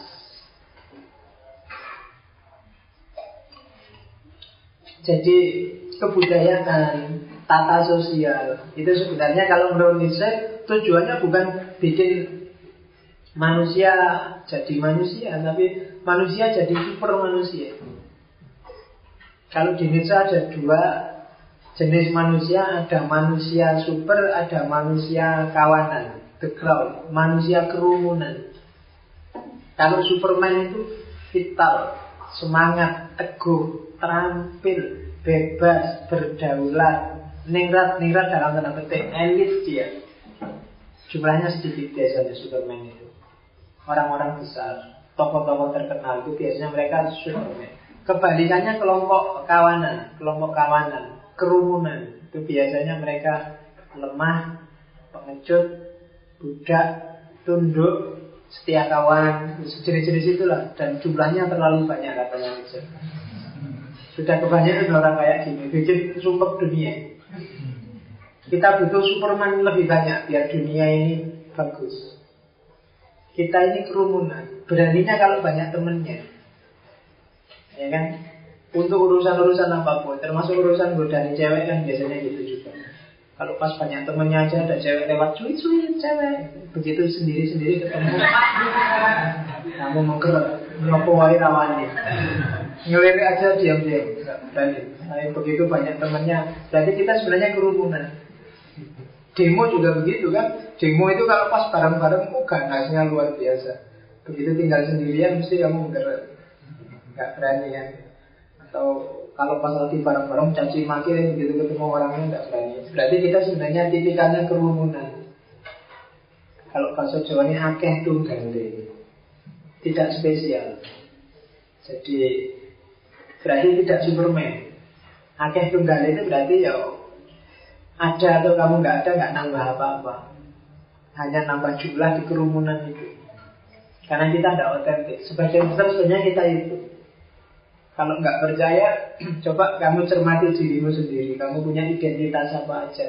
Dari sekian banyak identitas, mana yang hasil pilihanmu sendiri, mana yang sebenarnya itu otomatis saja kamu mengalir dari dunia sosial budayamu. Kebanyakan pasti kamu ngikut aja. Ngapain kok kamu Islam? Yo terpaksa oh bapak Islam. Ngapain kamu NU? Keluarga gue NU pak semuanya. Bapak ibu gue NU. NU itu? Tidak ngerti Pak, itu pokoknya mana aja apa? Diajak berjanjian, yang berjanjian, selawatan, terbangan, di mana boleh apa? Nah itu berarti kita sebenarnya kerumunan, bukan Superman. Jadi padahal fitrah kita itu will to power.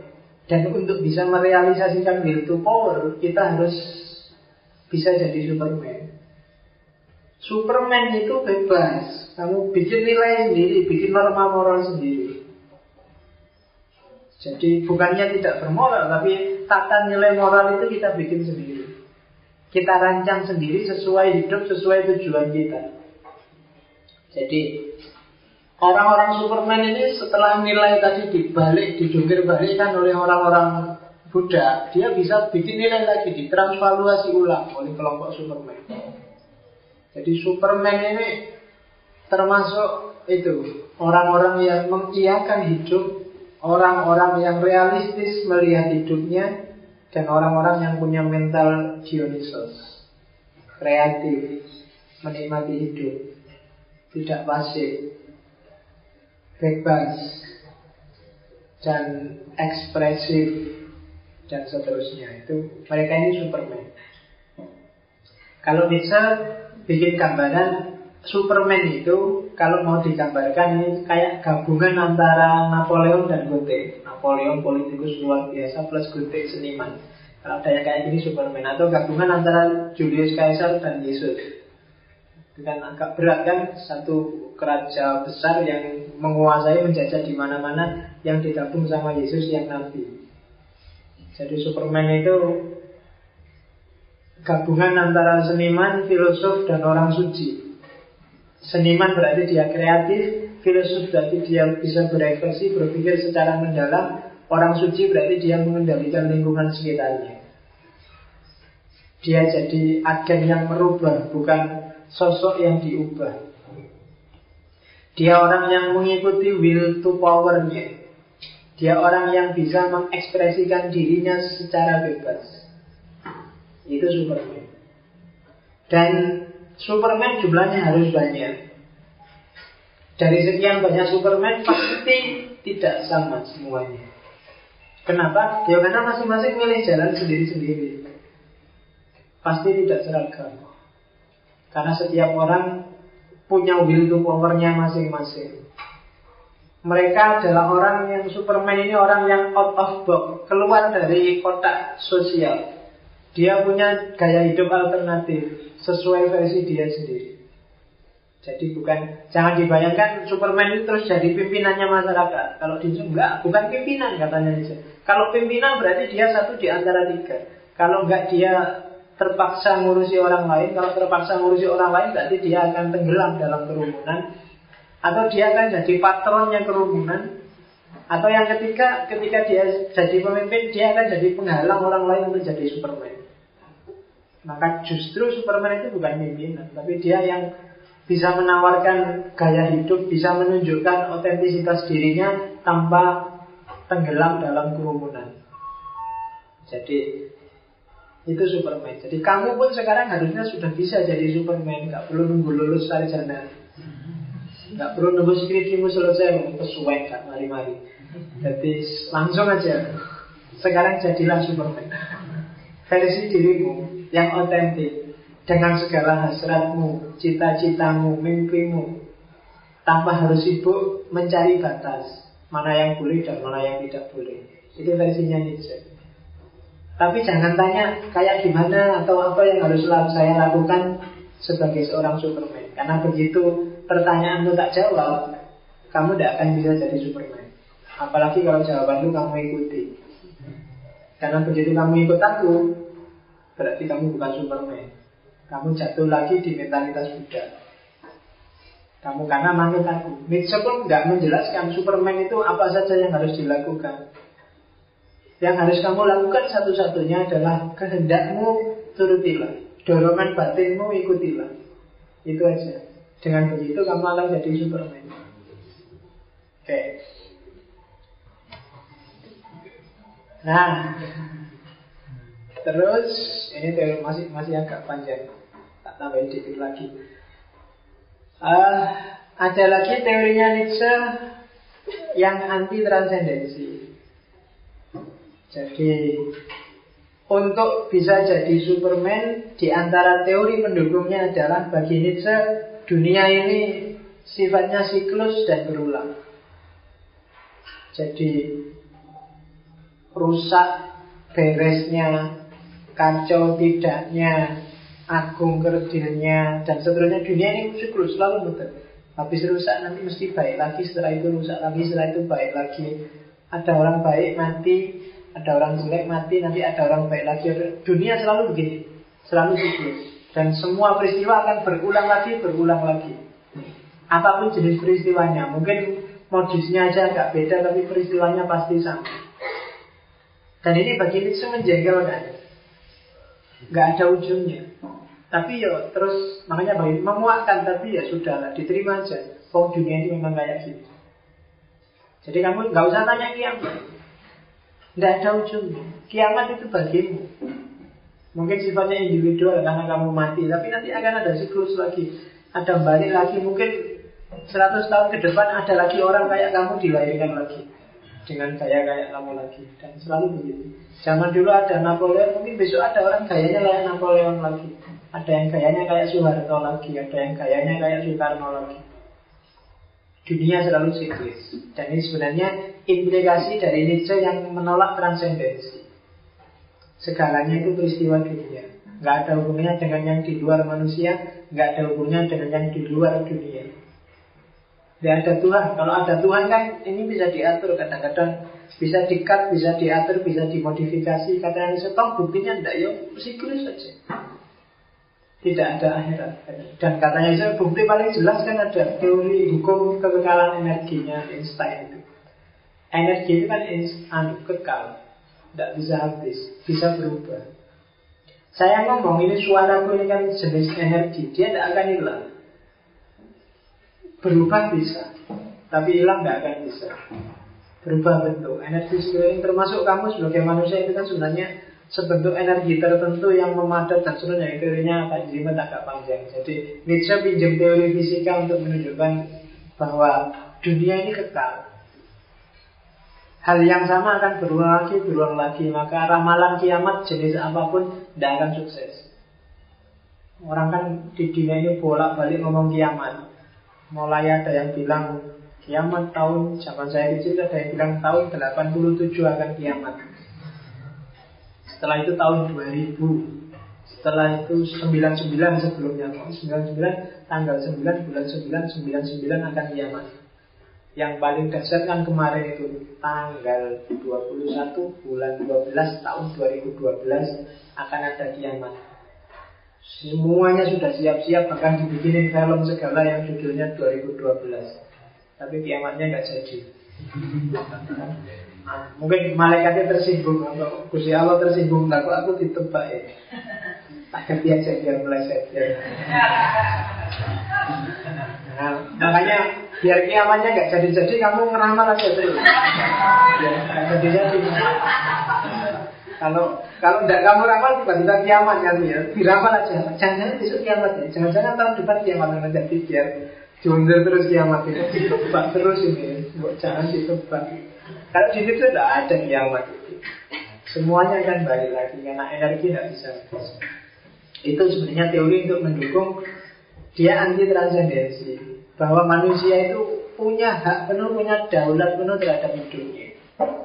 Ini teori mendukungnya. Teori pendukungnya yang lain adalah bahwa Tuhan itu sudah mati katanya Nietzsche.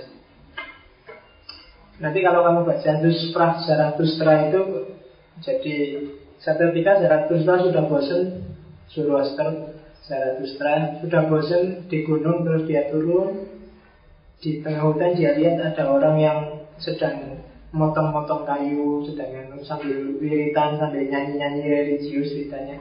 Lu sampai ngapain di sini? Oh ya sedang nyari kayu ya sambil pikir, sambil ingat Tuhan, sambil nyanyi lagu-lagu religius ketuhanan. Terus saya tuh bingung. Ini orang ini apa tidak tahu ya? Tuhan itu kan sudah lama mati.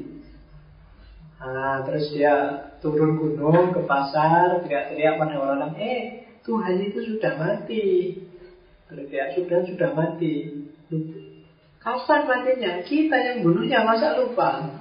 Nah, Terus terkenal bahwa Tuhan itu sudah mati. Oke, kenapa dia punya ideologi Tuhan mati? Jadi kapan sih Tuhan itu mati kalau di situ? Jadi Tuhan itu mati saat manusia sadar bahwa sebenarnya yang bikin Tuhan itu kita. Orang beragama kan kebalikannya. Tuhanlah yang bikin kita dan alam semesta. Kalau di Indonesia kebalik. Kita yang bikin Tuhan itu.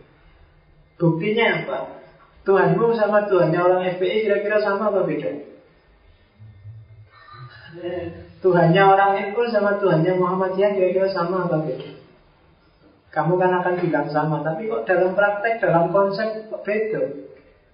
Mungkin bagi orang A ini Tuhan yang nesunan Jadi awas sidik sikat tak lebih lepok Bagi yang ini Tuhan sangat pemurah Penyayang gak apa-apa Dosa cilik-cilik gak apa-apa Santai aja.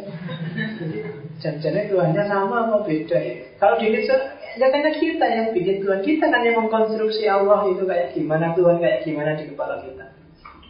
Dan begitu kita sadar bahwa Ini ternyata saya yang bikin Tuhan selama ini Saat itu juga Tuhan akan mati jadi nanti yang menafsirkan religiositas Nietzsche akan bilang yang dibunuh itu ya Tuhan yang di kepala kita itu. Jadi begitu kita sadar saat itu juga Tuhan mati. Yang bunuh siapa? Ya kita kan kalau itu yang bunuh. Toh kemarin yang mengkonsep juga kita. Tuhan versi As'ari, Tuhan versi Ghazali, Tuhan versi Syafi'i, Tuhan versi. Yang di dunia itu kan itu. Rebutan Tuhan kan. Ini kehendak Tuhan lo yang sana. Lo ini juga kehendaknya Tuhan. Memang kehendaknya Tuhan beda-beda. Kenapa bisa begitu? Karena itu tafsirmu tentang Tuhan. Tuhan yang ada di kepalamu bunuh aja. Nah itu katanya Nietzsche Tuhan sudah mati. Dan untungnya besar katanya Nietzsche. Dengan Tuhan itu mati, maka segala yang ngeribeti hidupmu, yang membelenggu kamu sehingga tidak kreatif, sehingga kamu terpancang, tidak bisa ekspresi diri, kamu takut mengekspresikan itu powermu, sekarang bebas sudah. Sekarang ide kebenaran universal kemarin kan kamu mikir apa aja takut gara-gara ada Tuhan itu. Katanya Nietzsche, mau gini takut nanti masuk neraka gimana digraji, dikepruk, disunat, di Jadi kan banyak sekali belenggu gini nggak mau. Begitu kamu bebas, ayo sekarang mau ngapain? Oke. Ah, jadi ya termasuk yang bunuh Tuhan ini kan semakin cerdas manusia kan perannya Tuhan semakin kecil. Zaman orang primitif itu A sampai Z diurusi Tuhan semua karena nggak paham fenomena alam nggak paham. Tapi semakin sains itu canggih, orang baru eh ternyata manusia bisa juga. Jadi perannya Tuhan bisa semakin kecil. Bahkan sampai level manusia ini kan sampai level rekayasa genetika, mengatur gen, gen itu yang menentukan vitalitas, nilai model, corak hidup seseorang. Dan itu bisa bisa direkayasa oleh manusia. Semakin besar perannya manusia, Tuhan ini semakin nganggur. Lama-lama kalau sudah habis kerjaannya mau ngapain, nggak nggak ada Tuhan juga nggak apa-apa. Nanti akhirnya gitu. Kita bisa lah kalau cuma bikin kayak gitu. Lama-lama bisa gitu. Wong kita bikin fotokopiannya manusia namanya cloning bisa sekarang. Itu kan Tuhan semakin tidak berperan. Misterius loh. Dulu anak laki-laki dan perempuan aja orang sekarang tinggal dilihat dalamnya perut selesai. Atau sebelum jadi anak tinggal direkayasa biar ini jadi laki-laki yang kuat yang bisa. Rekayasa genetika. Jadi Tuhan mati sebenarnya kita yang bunuh. Kalau yang tadi kita bunuh yang di kepala kita, ada juga kita bunuh pakai sains. Jadi semakin sains luar biasa, semakin kecil perannya Tuhan, lama-lama Tuhan nganggur juga. Disuruh ngapain ini sekarang mau anu tidak bisa mau gitu sudah manusianya sudah bisa mewakili Tuhan. Oke. Dan untungnya lagi kalau Tuhan mati katanya Nietzsche, kita akan bebas dari yang namanya kecengengan transcendental. Oh, istilahnya luar biasa. Jadi cengengan transcendental itu kita itu gara-gara punya Tuhan sering jadi cengeng kan. Ada apa-apa dikit, ya Allah tolong dong Ya Allah ujian nih Ya Allah apa boleh dimintain Tuhan Sampai mungkin Tuhan itu jengkel. Ujian pengen lulus ya belajar Kalau tidak bisa ya Allah. Wiritan sampai lama-lama Tuhan Sakit ya wiritan terus. Kasih aja nilai bagus mesti gitu. Kita cengeng, kita tidak tahan banting Sengsara dikit, lari ke Tuhan. Sumpah dikit, lari ke Tuhan. Kalah, lari ke Tuhan. Apa-apa lari ke Tuhan. Kita males berusaha, itu namanya kecengengan transcendental. Jangan cengeng dong. Kalau kita cengeng, ya mentalitasnya jadi mentalitas budak tadi. Jadi Allah disuruh ngurusi A sampai Z. Ya kan ngurusi mulai kamu sholat, mulai kamu tidur, mulai kamu masuk kamar mandi, mulai semuanya dipasrahkan pada Allah. Nah, itu kan berat dalam hidup kita. Jadi nggak mandiri itu. Benar-benar mentalitas budak kalau katanya Nietzsche. Jadi ya mandiri, baik buruk kamu ngerti kok. Bahkan kan banyak hadis banyak yang bilang bahwa pakai akal aja selain urusan ibadah itu kita sudah ngerti kok mana baik mana buruk. Gak perlu capek-capek kamu fatwanya mana. Kemudian selalu gitu kan kita dalilnya mana. Leo, kamu kan punya akal sehat. Masa kan ada ya, korupsi kok gak dimatlakan ya sama MUI Lu kamu kok bodoh ya, pakai akal aja sudah ngerti kalau korupsi itu haram Ngapain data MUI ngasih fatwa Masuk gitu aja nunggu fatwanya MUI Kan banyak kita yang cengeng kayak gitu. Sebenarnya sejenis kecengengan.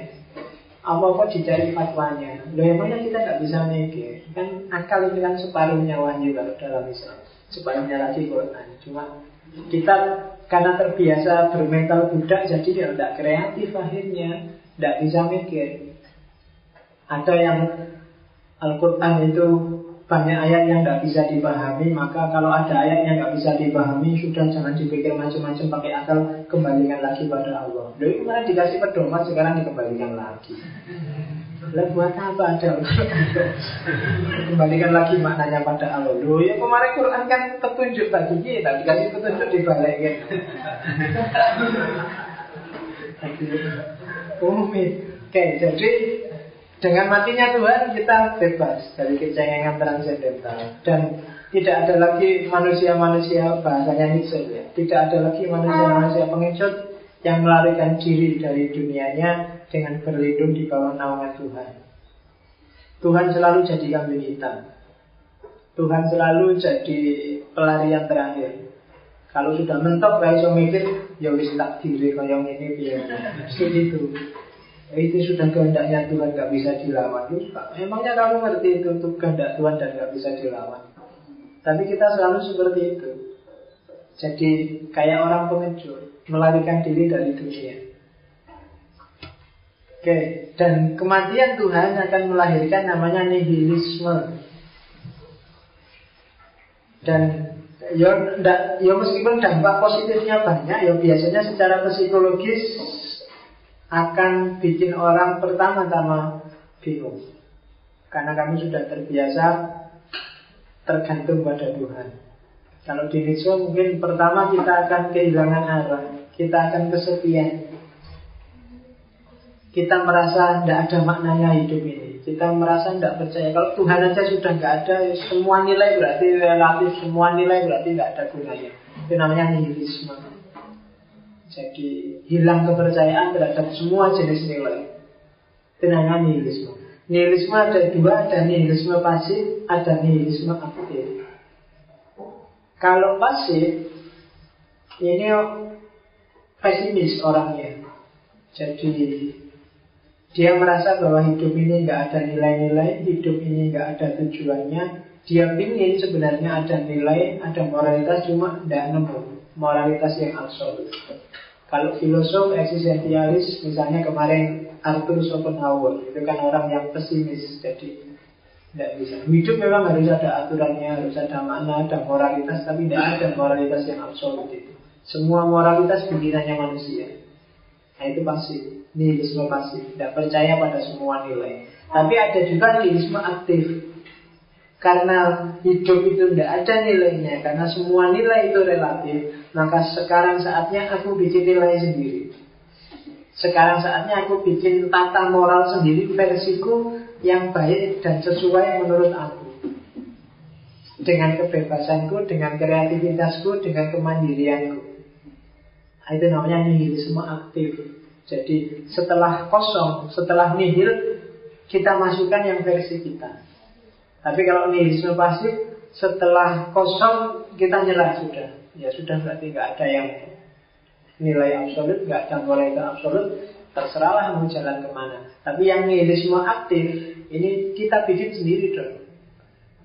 Kita bikin Islam versi Indonesia, kita bikin Islam versi Jogja, kita bikin Islam versi kos-kosan kita sendiri, kita bikin kreativitas sesuai pemahaman kita. Itu namanya nihilisme aktif. Oke. Ini beberapa catatan. Jadi Nietzsche agak negatif melihat agama dan dia juga agak negatif melihat sistem-sistem namanya demokrasi, sosialisme, komunisme. Dia agak benci agama kalau di tulisannya sesuatu yang dibenci Kristianiti karena dia dari klaster sana. Cuma bagi Nietzsche agama itu hanya konstruksi sosial bikin masyarakat jadi budak karena secara membuta dia harus taklid pada ajarannya. Yang kedua agama bikin orang jadi pasif, manut saja apa katanya Tuhan dan lama-lama will to powernya akan mati. Dan yang ketiga Orang jadi tidak tahan banting, tidak pantang menyerah gara-gara agama. Selalu Tuhan jadi kambing hitam, Tuhan jadi pelarian, bukan dirinya sendiri. Dia jadi agak pengecut dan tidak agresif. Itu dampak negatifnya agama, katanya Nietzsche. Dia juga agak benci dengan demokrasi, sosialisme, komunisme. Tiga ideologi ini bikin orang jadi kerumunan. Jadi ideologi ini Ya kalau di Nietzsche dia melihat bahwa demokrasi, sosialisme, komunisme itu yang dipilih oleh masyarakat jadi pimpinan biasanya orang-orang yang sesuai versinya masyarakat. Bagi Nietzsche ini biasanya orang-orang idiot. Orang-orang yang tidak bisa mikir dewe, yang ada di pikirannya hanya keperluannya masyarakat. Yang kedua, demokrasi, sosialisme, termasuk komunisme itu dasarnya kesetaraan. Bagi Nietzsche, manusia itu tidak setara. Katanya siapa manusia itu setara? Manusia itu pasti ada orang-orang yang unggul, yang elit, yang kualitasnya lebih dari yang lain. Kalau disetarakan, malah yang bibit-bibit unggul ini akan mati. Yang ketiga, ya masyarakat yang lemah selalu saja menang, sementara orang-orang khusus yang elit yang sedikit itu biasanya terpaksa harus menyesuaikan diri. Itu gara-gara sistem yang namanya demokrasi Sosialisme, komunisme. Sepinter apa pun orang, sejago apa pun orang Kalau nggak dipilih masyarakat dia nggak akan jadi pimpinan. Jadi kuncinya suara terbanyak. Bahkan yang jelek-jelek pun di sistem yang namanya demokrasi sosialisme. Kalau Indonesia ini mayoritas setuju bahwa apa misalnya narkoba itu boleh, seks bebas itu boleh, janjilah seks bebas itu boleh dan narkoba boleh. Itu kan logikanya demokrasi suara terbanyak. Bikin orang hanya jadi kerumunan, tidak otentik. Itu Nietzsche. Terakhir, oh ya, ini kamu renungi aja di rumah bahwa Nietzsche seperti apa pun pikirannya ada beberapa menurut saya ada beberapa catatan ada beberapa kontribusi dari Nietzsche yang perlu kita pertimbangkan yang pertama Nietzsche memberi kita alternatif kebenaran yang lain dari yang lain. Selama ini kan kita mikirnya ke sana-sana linear aja. Nietzsche ngasih kotak baru.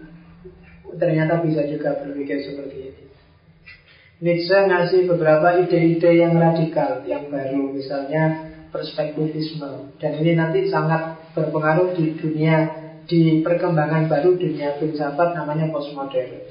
Yang kedua menunjukkan bahwa moralitas itu sifatnya relatif. Kriteria baik buruk itu sebenarnya hanya perspektif saja.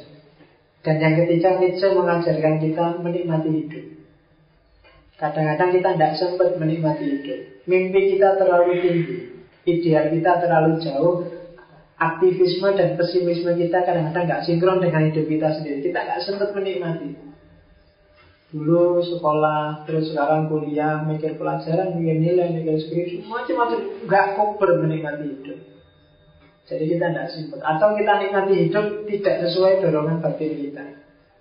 Itu pelajaran berharga dari Nietzsche. Dan Nietzsche juga ngingetin kita bahwa sebenarnya kita lebih banyak menghabiskan waktu tanpa melakukan apa-apa.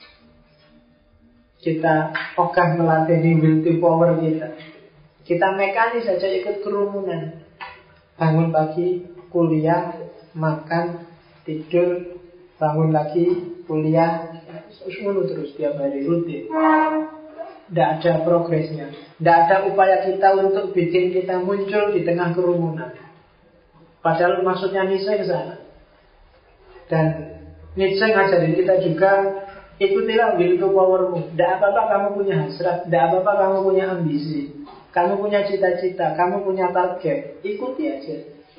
Dan kalau bisa, berpikirlah out of box, di luar kota. Jangan jadi kerumunan. Tidak selalu yang ada di sekelilingmu itu pasti bagus loh. Kalau temanmu semua ikut ngaji filsafat, nggak mesti loh ngaji filsafat itu penting bagimu. Coba dipikir lagi. Itu out of box. Semua orang bilang bahwa filsafat dong biar bisa mikir filsafat dong. Apa yang mau coba dipikir sendiri? Untuk konteks kamu mungkin nggak pas. Ah, itu namanya out of box. Jadi jangan jadi kerumunan tunjukkan dirimu dalam sejarah. Itu sebenarnya yang menurut saya paling penting dari Nietzsche muncul dong jadi sesuatu kalau katanya saya jadi oh iya kan? Jadi sesuatu yang bisa kamu banggakan, yang kamu sendiri puas. Meskipun mungkin orang lain melihatnya biasa-biasa, tapi kan kalau sudah mengikuti will to power itu biasanya memuaskan. Jangan mau orang lain semua bangga padamu, salut padamu, tapi kamu sendiri terasing dari dirimu dan kesepian. Itu sengsara luar biasa. Meskipun kamu pakai tadi transvaluasi yang abu-abu. Oh, tidak apa-apa ini demi umat. Oh, tidak apa-apa ini demi kemaslahatan bersama. Jangan mau kamu dipolo-polo oleh Jangan mau kamu dihapusi oleh masyarakat. Kamu sendiri ingin apa? Kalau masyarakat mau ambil, kalau enggak ya wis. Oh, itu di titik itu bagi saya Nietzsche perlu kamu pertimbangkan. Dan dia memang pengaruhnya luar biasa. Dan ide-ide yang ditawarkan oleh Nietzsche ini banyak sekali mempengaruhi para filosof belakangan. Tak bilang tadi karena sifatnya aforisme nanti ide ini diwarisi oleh ini, tapi yang ini ditolak oleh ini selalu begitu. Mulai dari Iqbal, Mula Zadra, banyak yang yang terpengaruh oleh Nietzsche. Oke, saya kira itu. Silahkan yang ada komplain, pertanyaan yang tidak ngerti apa. Asal jangan tanya gugat Nietzsche ya, aku cuma manut Nietzsche ini tadi. Ya, silakan. Ini Pak mengenai gaya gaya ucapannya itu kayaknya ini ada kontra Pak. Di, di depan itu dijelaskan bahwa gaya filsafatnya Nietzsche ini tentang mengiakan hidup. Tetapi ketika dia berbicara tentang eksistensi, eksistensi malah dia uh, apa harus mendekatkan ke pengiyaannya itu. Coba kita contohkan yang seperti yang tadi itu karena mengiyakan hidup ini akan melahirkan yang namanya mentalitas Buddha. Mentalitas Buddha padahal ini kan ditolak oleh mentalitas Buddha karena manusia itu harus melahirkan itu power kayak gitu. Ketika tadi juga dijelaskan dia membenci agama, dia membenci sosialisasi, demokrasi, berarti kan dia tidak mengiyakan itu, Pak. Ini kan betul belakang dengan uh, filsafat, gaya filsafatnya dengan existentialism. Oke, jadi mengiyakan hidup itu jangan menipu dirimu. Agama, demokrasi, jangan itu menipu dirimu. Kamu disuruh ikut apa maunya orang banyak mengiyakan hidup itu kalau kamu pinginnya apa, ya itu. Jadi dan Nietzsche ngasih tentang agama, tentang mentalitas Buddha ini karena inilah nanti yang sering bikin kamu tertipu. Bikin kamu tidak mengiyakan hidupmu. Sebenarnya kamu pingin gini tapi yo kok masyarakat yang kayak gini dianggap jelek ya. Akhirnya sama mundur. Eh tapi aku ingin gini tapi kok di agama ada dalilnya ya aku tidak boleh gini terus kamu Jadi ini yang bikin kamu menidakkan hidup akhirnya. Mengiyakan hidup itu Ya wis apa adanya dirimu ekspresikan Apa keinginanmu lampiaskan Apa cita-citamu wujudkan Nah yang tadi ditidakkan oleh Nietzsche Dalam arti di, diwanti-wantikan untuk ditolak oleh Nietzsche adalah sering-sering sistem moral, sistem sosial, sistem budaya, sistem agama di masyarakat bikin kamu tidak bisa mengiyakan hidupmu. Bikin kamu sebenarnya aku ingin gini tapi kok yo agama tidak mengizinkan ya. Aku ingin gini tapi kok dianggap nggak sopan ya. Aku ingin gini kok dianggap melanggar adat ya. Jadi kamu nggak bisa akhirnya mengiyakan hidupmu. Terpaksa kamu ingkari keinginanmu, kamu ingkari to powermu. Nah, itu yang dimaksud mengiakan hidup oleh Yesus. Arahnya ke situ. Ada lagi. Ayo, yang, yang belakang dulu sebentar. Uh,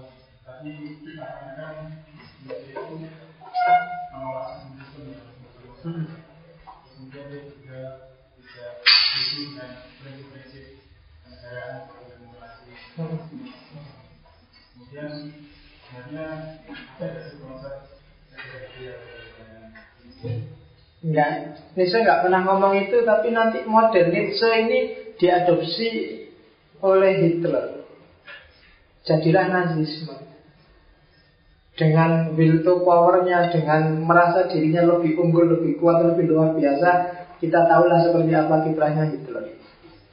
Dia merasa rasnya lebih unggul. Yang lain semua di bawah dia Bahkan Yahudi yang dianggap inferior Dibantai habis-habisan oleh Hitler Dia sangat Nanti kalau kamu baca main kampnya Hitler Bandingkan dengan Dus Perang Zarathustra akan banyak kelihatan bahwa Hitler sangat terpengaruh oleh Nietzsche yang tentang negara. Tapi Nietzsche sendiri nggak pernah ngomong itu. Dia hanya melihat sistem apa pun termasuk yang namanya negara, sistem politik, sistem sosial, sistem budaya yang bagi dia menghalangi ekspresi diri seorang individu, sistem itu harus dilawan. Orang harus keluar dari sana untuk mewujudkan hasrat will to power-nya. Itu aja. Ya. Ya, yang pertama ini dari gaya pikir filsafat Nietzsche ya Hmm. Uh, yang pertama kan dia gagasannya itu kan seakan-akan seperti yang dijelaskan Bapak kan melompat-lompat, tidak hmm. sistematis. Tapi saya lihat uh, dari penjelasan Bapak itu sepertinya ini kan tetap dari Nietzsche semua. Dan hmm. lihat saya lihatnya ini kok sistematis ini ya. bagaimana ini? Oh, iya, yang sistem kan para pembahasnya Nietzsche. Dan pertanyaan berikutnya kemudian terkait dengan konsep moralitas yang dibangun oleh Nietzsche dia kan menyebutnya bahwa apa yang disebut murah itu kan sebetulnya hanya buatan manusia. Tidak ada yang kosong, tidak ada yang permanen. Sehingga ini kan kemudian akan menciptakan diri individu yang kata. Sehingga oh ini hak saya, oh ini hak saya. Ini kan anti kemapanan. Ini bagaimana? Ini sebetulnya Nietzsche ini mau diarahkan sahabat yang seperti ini. Kemudian eh, terkait dengan berikutnya terkait dengan proses moralitas Tuhan dan Buddha. Ini kan sebetulnya berbicara masalah moralitas baik itu berada pada posisi Tuhan maupun tidak ini kan sangat sangat kompleks sebetulnya. Taruhlah misalnya seperti kasus korupsi misalnya itu kan sebetulnya adalah konsep moralitas. Walaupun sifatnya agak sedikit itu. Ini sebetulnya ini apakah kita harus melompat ke sana? Oke. Misalnya, Tuhan kita sebetulnya terkait dengan ya transidental kan Tuhan itu kan sebetulnya selama ini didefinisikan sebagai dasar dari segala sesuatu. Itu Tuhan. Tetapi kan Nietzsche malah menyebutnya, nah itu hanya sebatas konstruksi. Baru kemudian ini saya coba kaitkan dengan filsafat lainnya tentang tentang Tuhan. Uh, Aristoteles misalnya dia kan dalam uh, dalam teori kausalitasnya kemudian dia menyebutkan bahwa ternyata walaupun Aristoteles tidak menyebut, menyebutnya itu Tuhan, tapi bagi dia ada yang menjadi dasar segala sesuatu, yang menjadi penggerak utama dari seluruh alam semesta ini. Ini kan kemudian ini bagaimana? Kalau ditinjau kita mencoba memposisikan diri pada pemikiran Nietzsche, Tuhan jelas tidak ada. Karena bagi Nietzsche ya, ini hanya sebatas konstruksi. Walaupun pada hakikatnya pada saat itu pada saat Nietzsche mengatakan ini konstruksi, sebetulnya ini Nietzsche dan bangun konstruksi yang lain. Maka pertanyaannya, ini solusinya bagaimana? Kemudian pertanyaan berikutnya, menurut pandangan Bapak sendiri itu ada? Oke, masuk harus tanya aku. Aku kurang jelas. Aku bertuhan atau nggak bertuhan? Secara nanti saya hari ini hanya juru bicara yang itu, saya tidak percaya. Oke, Ini jadi Nietzsche lagi ini, jangan ditanyain. Bagi Nietzsche tidak, tidak ada sistem. Nietzsche adalah pengagum dari ini ya. Struggle for the fittest. Jadi monggo, kamu mau tempur, mau tawuran monggo, tapi yang kuat yang akan menang. Kalau kamu mentalitas budak, kamu akan dijajah kalah dan jangan ngerusuh kalau kamu dijajah. Karena kamu memang lemah. Itu yang ada di pikirannya Nietzsche. Kamu belum kok gitu, Nietzsche Katanya sih, memang kenyataannya hidup gitu ya. Kamu yang kalah itu terus biasanya bikin sistem moral abu-abu. Karena kalah itu tinggi kalah itu. Tenang aja ini sekafir nanti masuk neraka itu karena itu kita kalau bagi ini mentalitas kawan mentalitas Buddha dunia ini isinya hanya pertarungan itu aja. Ada orang yang bisa mengekspresikan will to powernya dengan segala kekuatannya. Ada yang tidak bisa ada yang tidak bisa. Ini nanti biasanya terus bikin sistem moralitas sendiri. Jadi kayak gini maka jadilah Superman. Setiap orang kalau bisa jadi Superman kalau bisa. Dan nanti kalau tabrakan, nanti chaos, nanti ya biar aja chaos. Loh iya, kan, loh, nanti akhirnya chaos kan jadi tertib lagi dan ya itu tadi for the fittest. Yang kuat yang akan menang, yang lemah akan kalah dan dijajah. Sadar apa enggak apa pun bentuk penjajahannya. Ya kalau modelnya Hitler terus jadi fisik, jadi pembantaian. Tapi hari ini mungkin polanya sebenarnya sama, cuma kamu nggak sadar aja bahwa sebenarnya yang kuat sebenarnya yang sedang menguasai kita. Entah kuat dari sisi moralitas, entah kuat dari sisi keilmuannya, entah kuat dari sisi apanya. Itu yang pertama. Yang kedua yang tentang Tuhan. Ini saya memang tidak percaya kan tadi tak bilang sejak umur 23 tahun dia tidak percaya Tuhan. Dia tidak percaya harus dia. Dan banyak itu sebenarnya percaya. Yang percaya juga banyak. Dan biasa saya kalau di filsafat ada yang percaya, ada yang tidak percaya. Tidak apa-apa, tidak percaya. Kalau kamu tanya saya, semua argumen filsafat yang membuktikan Tuhan itu ada kelemahannya. Termasuk Aristoteles yang kamu sebut tadi Itu dikritik habis Dan kritiknya banyak tentang itu Kapan-kapan kalau kita masuk sesi filsafat ketuhanan Makanya saking putus asanya kan sampai bilang Sudah lah, gak usah dibahas filsafat Tuhan itu. Itu urusannya kamu percaya apa nggak percaya? Kok Sisakan aja sebagian kecil dari dirimu Kalau memang kamu percaya untuk kepercayaan ini. Iya itu Immanuel kan? Jadi Ya, ada enam kan argumen besar untuk membuktikan Tuhan termasuk teleologis model Aristotelian itu dan sudah banyak dikritik yang model itu. Itu bagi yang percaya Tuhan. Kalau Nietzsche tidak melihat itunya, Nietzsche melihat bahwa Tuhan itu selalu historis sifatnya, selalu pemahaman manusia tentang sesuatu yang namanya Tuhan itu. Buktinya toh macam-macam. Buktinya toh Aristoteles punya konsep gini orang itu itu kan konstruksinya Aristoteles yang ada di kepala Aristoteles. Filosof lain membuktikannya pakai argumen yang berbeda lagi. Filosof lainnya pakai argumen yang beda lagi. Maka bagi eh, ternyata ya konstruksi manusia juga ternyata. Ternyata bagi saya tidak ada yang di luar manusia itu tidak ada. Semua yang di luar manusia itu yang membunyikannya manusia. Semua yang di luar manusia itu yang bikin manusia tentang surga, neraka atau macam-macam itu semua tentang manusia. Sehingga kalau dibahas pakai filsafat itu mesti pro kontra luar biasa. Mesti pertarungan argumen dan sampai sekarang masih belum selesai. Masih ada pro dan kontra. Para filosof juga masih taruh. Orang kosmo sudah nggak masuk itu lagi mungkin karena dianggap sudah lah itu memang urusan kepercayaan masing-masing nggak akan ketemu kamu kosmo perdebatan tentang Tuhan ada atau tidak ada. Diskusi itu dianggap sudah selesai tanpa ada keputusan jelas. Ya, di pesawat memang tidak ada keputusan jelas. Jangan-jangan bukti paling otentik bahwa Tuhan itu ada apa sih itu tidak ketemu. Kalau di agama yang kamu banyak ngomong itu, buktinya A, B, C, D itu semua sudah dibantah dalam dalam filsafat pertarungan antara yang percaya Tuhan dan tidak percaya Tuhan. Ini kan sebenarnya memang pangkalnya adalah percaya atau tidak percaya. Kita saja kan sebenarnya percaya pada Tuhan itu kan karena kita percaya pada Nabi Muhammad kan. Lewatnya kan Nabi. Kita tidak pernah langsung ketemu Tuhan dapat wahyu Tuhan. Awalnya juga percaya, ya. Oh, percaya. Dan momen pewahyuan dari Allah pada Muhammad kan itu momen subjektifnya Nabi. Terus kita percaya bahwa Nabi memang benar-benar dapat wahyu dari Allah. Kan itu aja yang membedakan kita seorang Muslim dengan yang non Muslim. Cuma bedanya di situ. Sama orang itu meyakini bahwa Yesus itu benar-benar adalah kali apa kalimatnya Allah dia adalah anaknya Allah. Sebenarnya sama kayak itu urusannya. Katanya kan wis capek aku diskusi tentang Tuhan, wis mau percaya apa enggak gitu aja. Nah kalau Nietzsche melihat sisi bahwa Tuhan ini sering bikin manusia lemah. Tuhan yang mengejar yang ada di kepalanya manusia itu sering bikin manusia jadi pasif Sering bikin manusia jadi tergantung Sering bikin manusia jadi nggak tangguh Dan sebenarnya Nietzsche bukan orang pertama banyak Minggu depan kita akan ngomong sama Sartre lebih dahsyat lagi ateisme Dibandingkan cuma Nietzsche jadi dia tidak percaya tentang Tuhan. Ya kalau yang percaya Tuhan ya kemarin eksistensialis yang Kierkegaard itu yang percaya Tuhan. Hari ini kita sudah masuk yang tidak percaya Tuhan. Jadi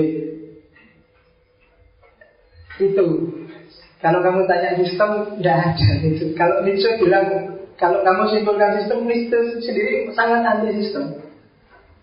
Dan pikirannya saya bilang tadi mengenai kayak Quran loncat-loncat habis ngomong apa dia ngomong apa. Kalau di sini kelihatan ada sistemnya, ya itu kan untuk memudahkan penjelasan. Kalau tak bikin loncat-loncat apa adanya dari bukunya Sartre kamu guna.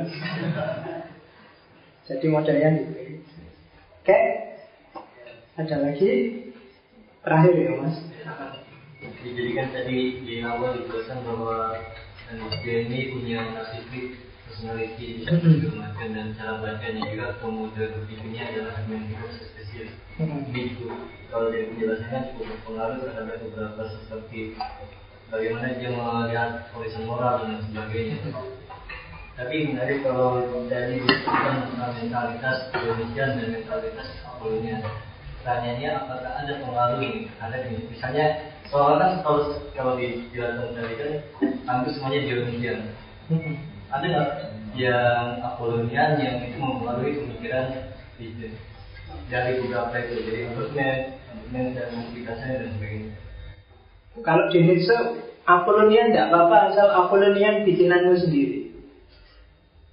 Aturan, norma, tata tertib, gaya hidup yang kamu bikin sendiri. Kamu bakukan untuk dirimu sendiri. Itu hasil karyamu sendiri. Itu Apolonian tidak apa-apa. Apolonian yang merupakan buah dari Dionysian kan itu. Jadi tadi hasil ekspresi bebas kreatifmu melahirkan aturan, melahirkan harmoni, melahirkan tata tertib dalam hidupmu sendiri tidak apa-apa. Dan model dialektika harmonis antara Dionysian dan Apollonian ini adanya di Yunani Prasokrates kalau di pikirannya Nietzsche. Sebelum Sokrates itu orang sangat ekspresif menjelaskan ide-ide kefilsafatannya sehingga terus membentuk sistem tapi sangat individual. Setiap orang punya ide sendiri-sendiri. Yang satu bilang alam ini dari air, yang satu yang ini dari api. Itu kan ekspresi diri masing-masing orang. Dan silahkan aja suka-suka tiap orang dan masing-masing sesuai sistemnya sendiri-sendiri. Tapi begitu datang Socrates, mulai dibikin batas. Ah, yang kayak gini nggak boleh, ini nggak rasional. Ah, yang kayak ya itu Socrates, mulai ngatur-ngatur orang lain. Dan itu dibenci oleh Nietzsche. Apakah narsistis penyakit jiwa yang ada di Nietzsche itu mempengaruhi pemikirannya? Mungkin ada pengaruhnya kalau mungkin kita masuknya dari sisi hermeneutiknya. Jadi karena kalau kamu bisa menggambarkan atau keluarkanlah sosok yang seperti digambarkan Nietzsche ini seandainya ada orangnya, maka mungkin orang ini orang yang sangat dalam tanda petik sombong, angkuh, merasa dirinya besar, merasa dirinya penguasa, merasa mungkin orang dengan karakter seperti ini. Tapi bagi Nietzsche orang seperti inilah Superman.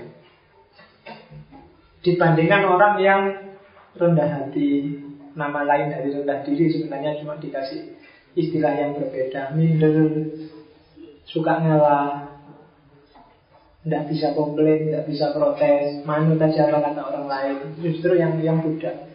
Jadi orang harus agak angkuh, agak selfish, ngurusi dirinya sendiri, mewujudkan mimpinya sendiri.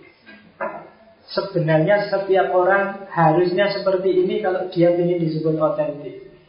Kenapa kita tidak seperti itu? Berarti mentalitas kita masih mentalitas budak. Kamu nggak sadar sebenarnya kamu didominasi atau dikuasai orang lain. Yang bermain dalam hidup kita adalah tafsirnya orang lain Bukan tafsir kita sendiri Mungkin kita kiblatnya ke tokoh siapa, ke ulama siapa, kiai siapa, dosen siapa, atau uh, ilmuwan siapa biasanya gitu. Tapi kita tidak otentik jadi diri kita sendiri. Itu Nietzsche. Oke ya, saya kira itu Nietzsche. Dibaca aja bukunya menarik sebenarnya. Ya saya menjelaskannya sangat basic karena nanti saya bilang sangat banyak orang menafsirkan Nietzsche. Coba baca misalnya ada buku yang judulnya Nietzsche dan Islam, ada Nietzsche dan agama, ada yang judulnya religiusitas dalam pemikiran Nietzsche. Banyak orang nafsir. Dan ini keuntungan dari model aforismenya Nietzsche. Orang bisa menafsirkan ke mana saja. Ada yang saya bilang sebenarnya Nietzsche itu tidak ateis. Dia hanya anti Tuhan yang ada di pikirannya manusia. Oh, nanti ada yang menafsirkan seperti itu. Jadi yang ada di pikiran kita kan bukan Tuhan yang sejati Karena Tuhan itu harusnya di luar jangkauan pikiran kita. Begitu kita coba jangkau pakai akal Pasti itu bukan Tuhan. Nah itu ada yang menafsirkan seperti itu.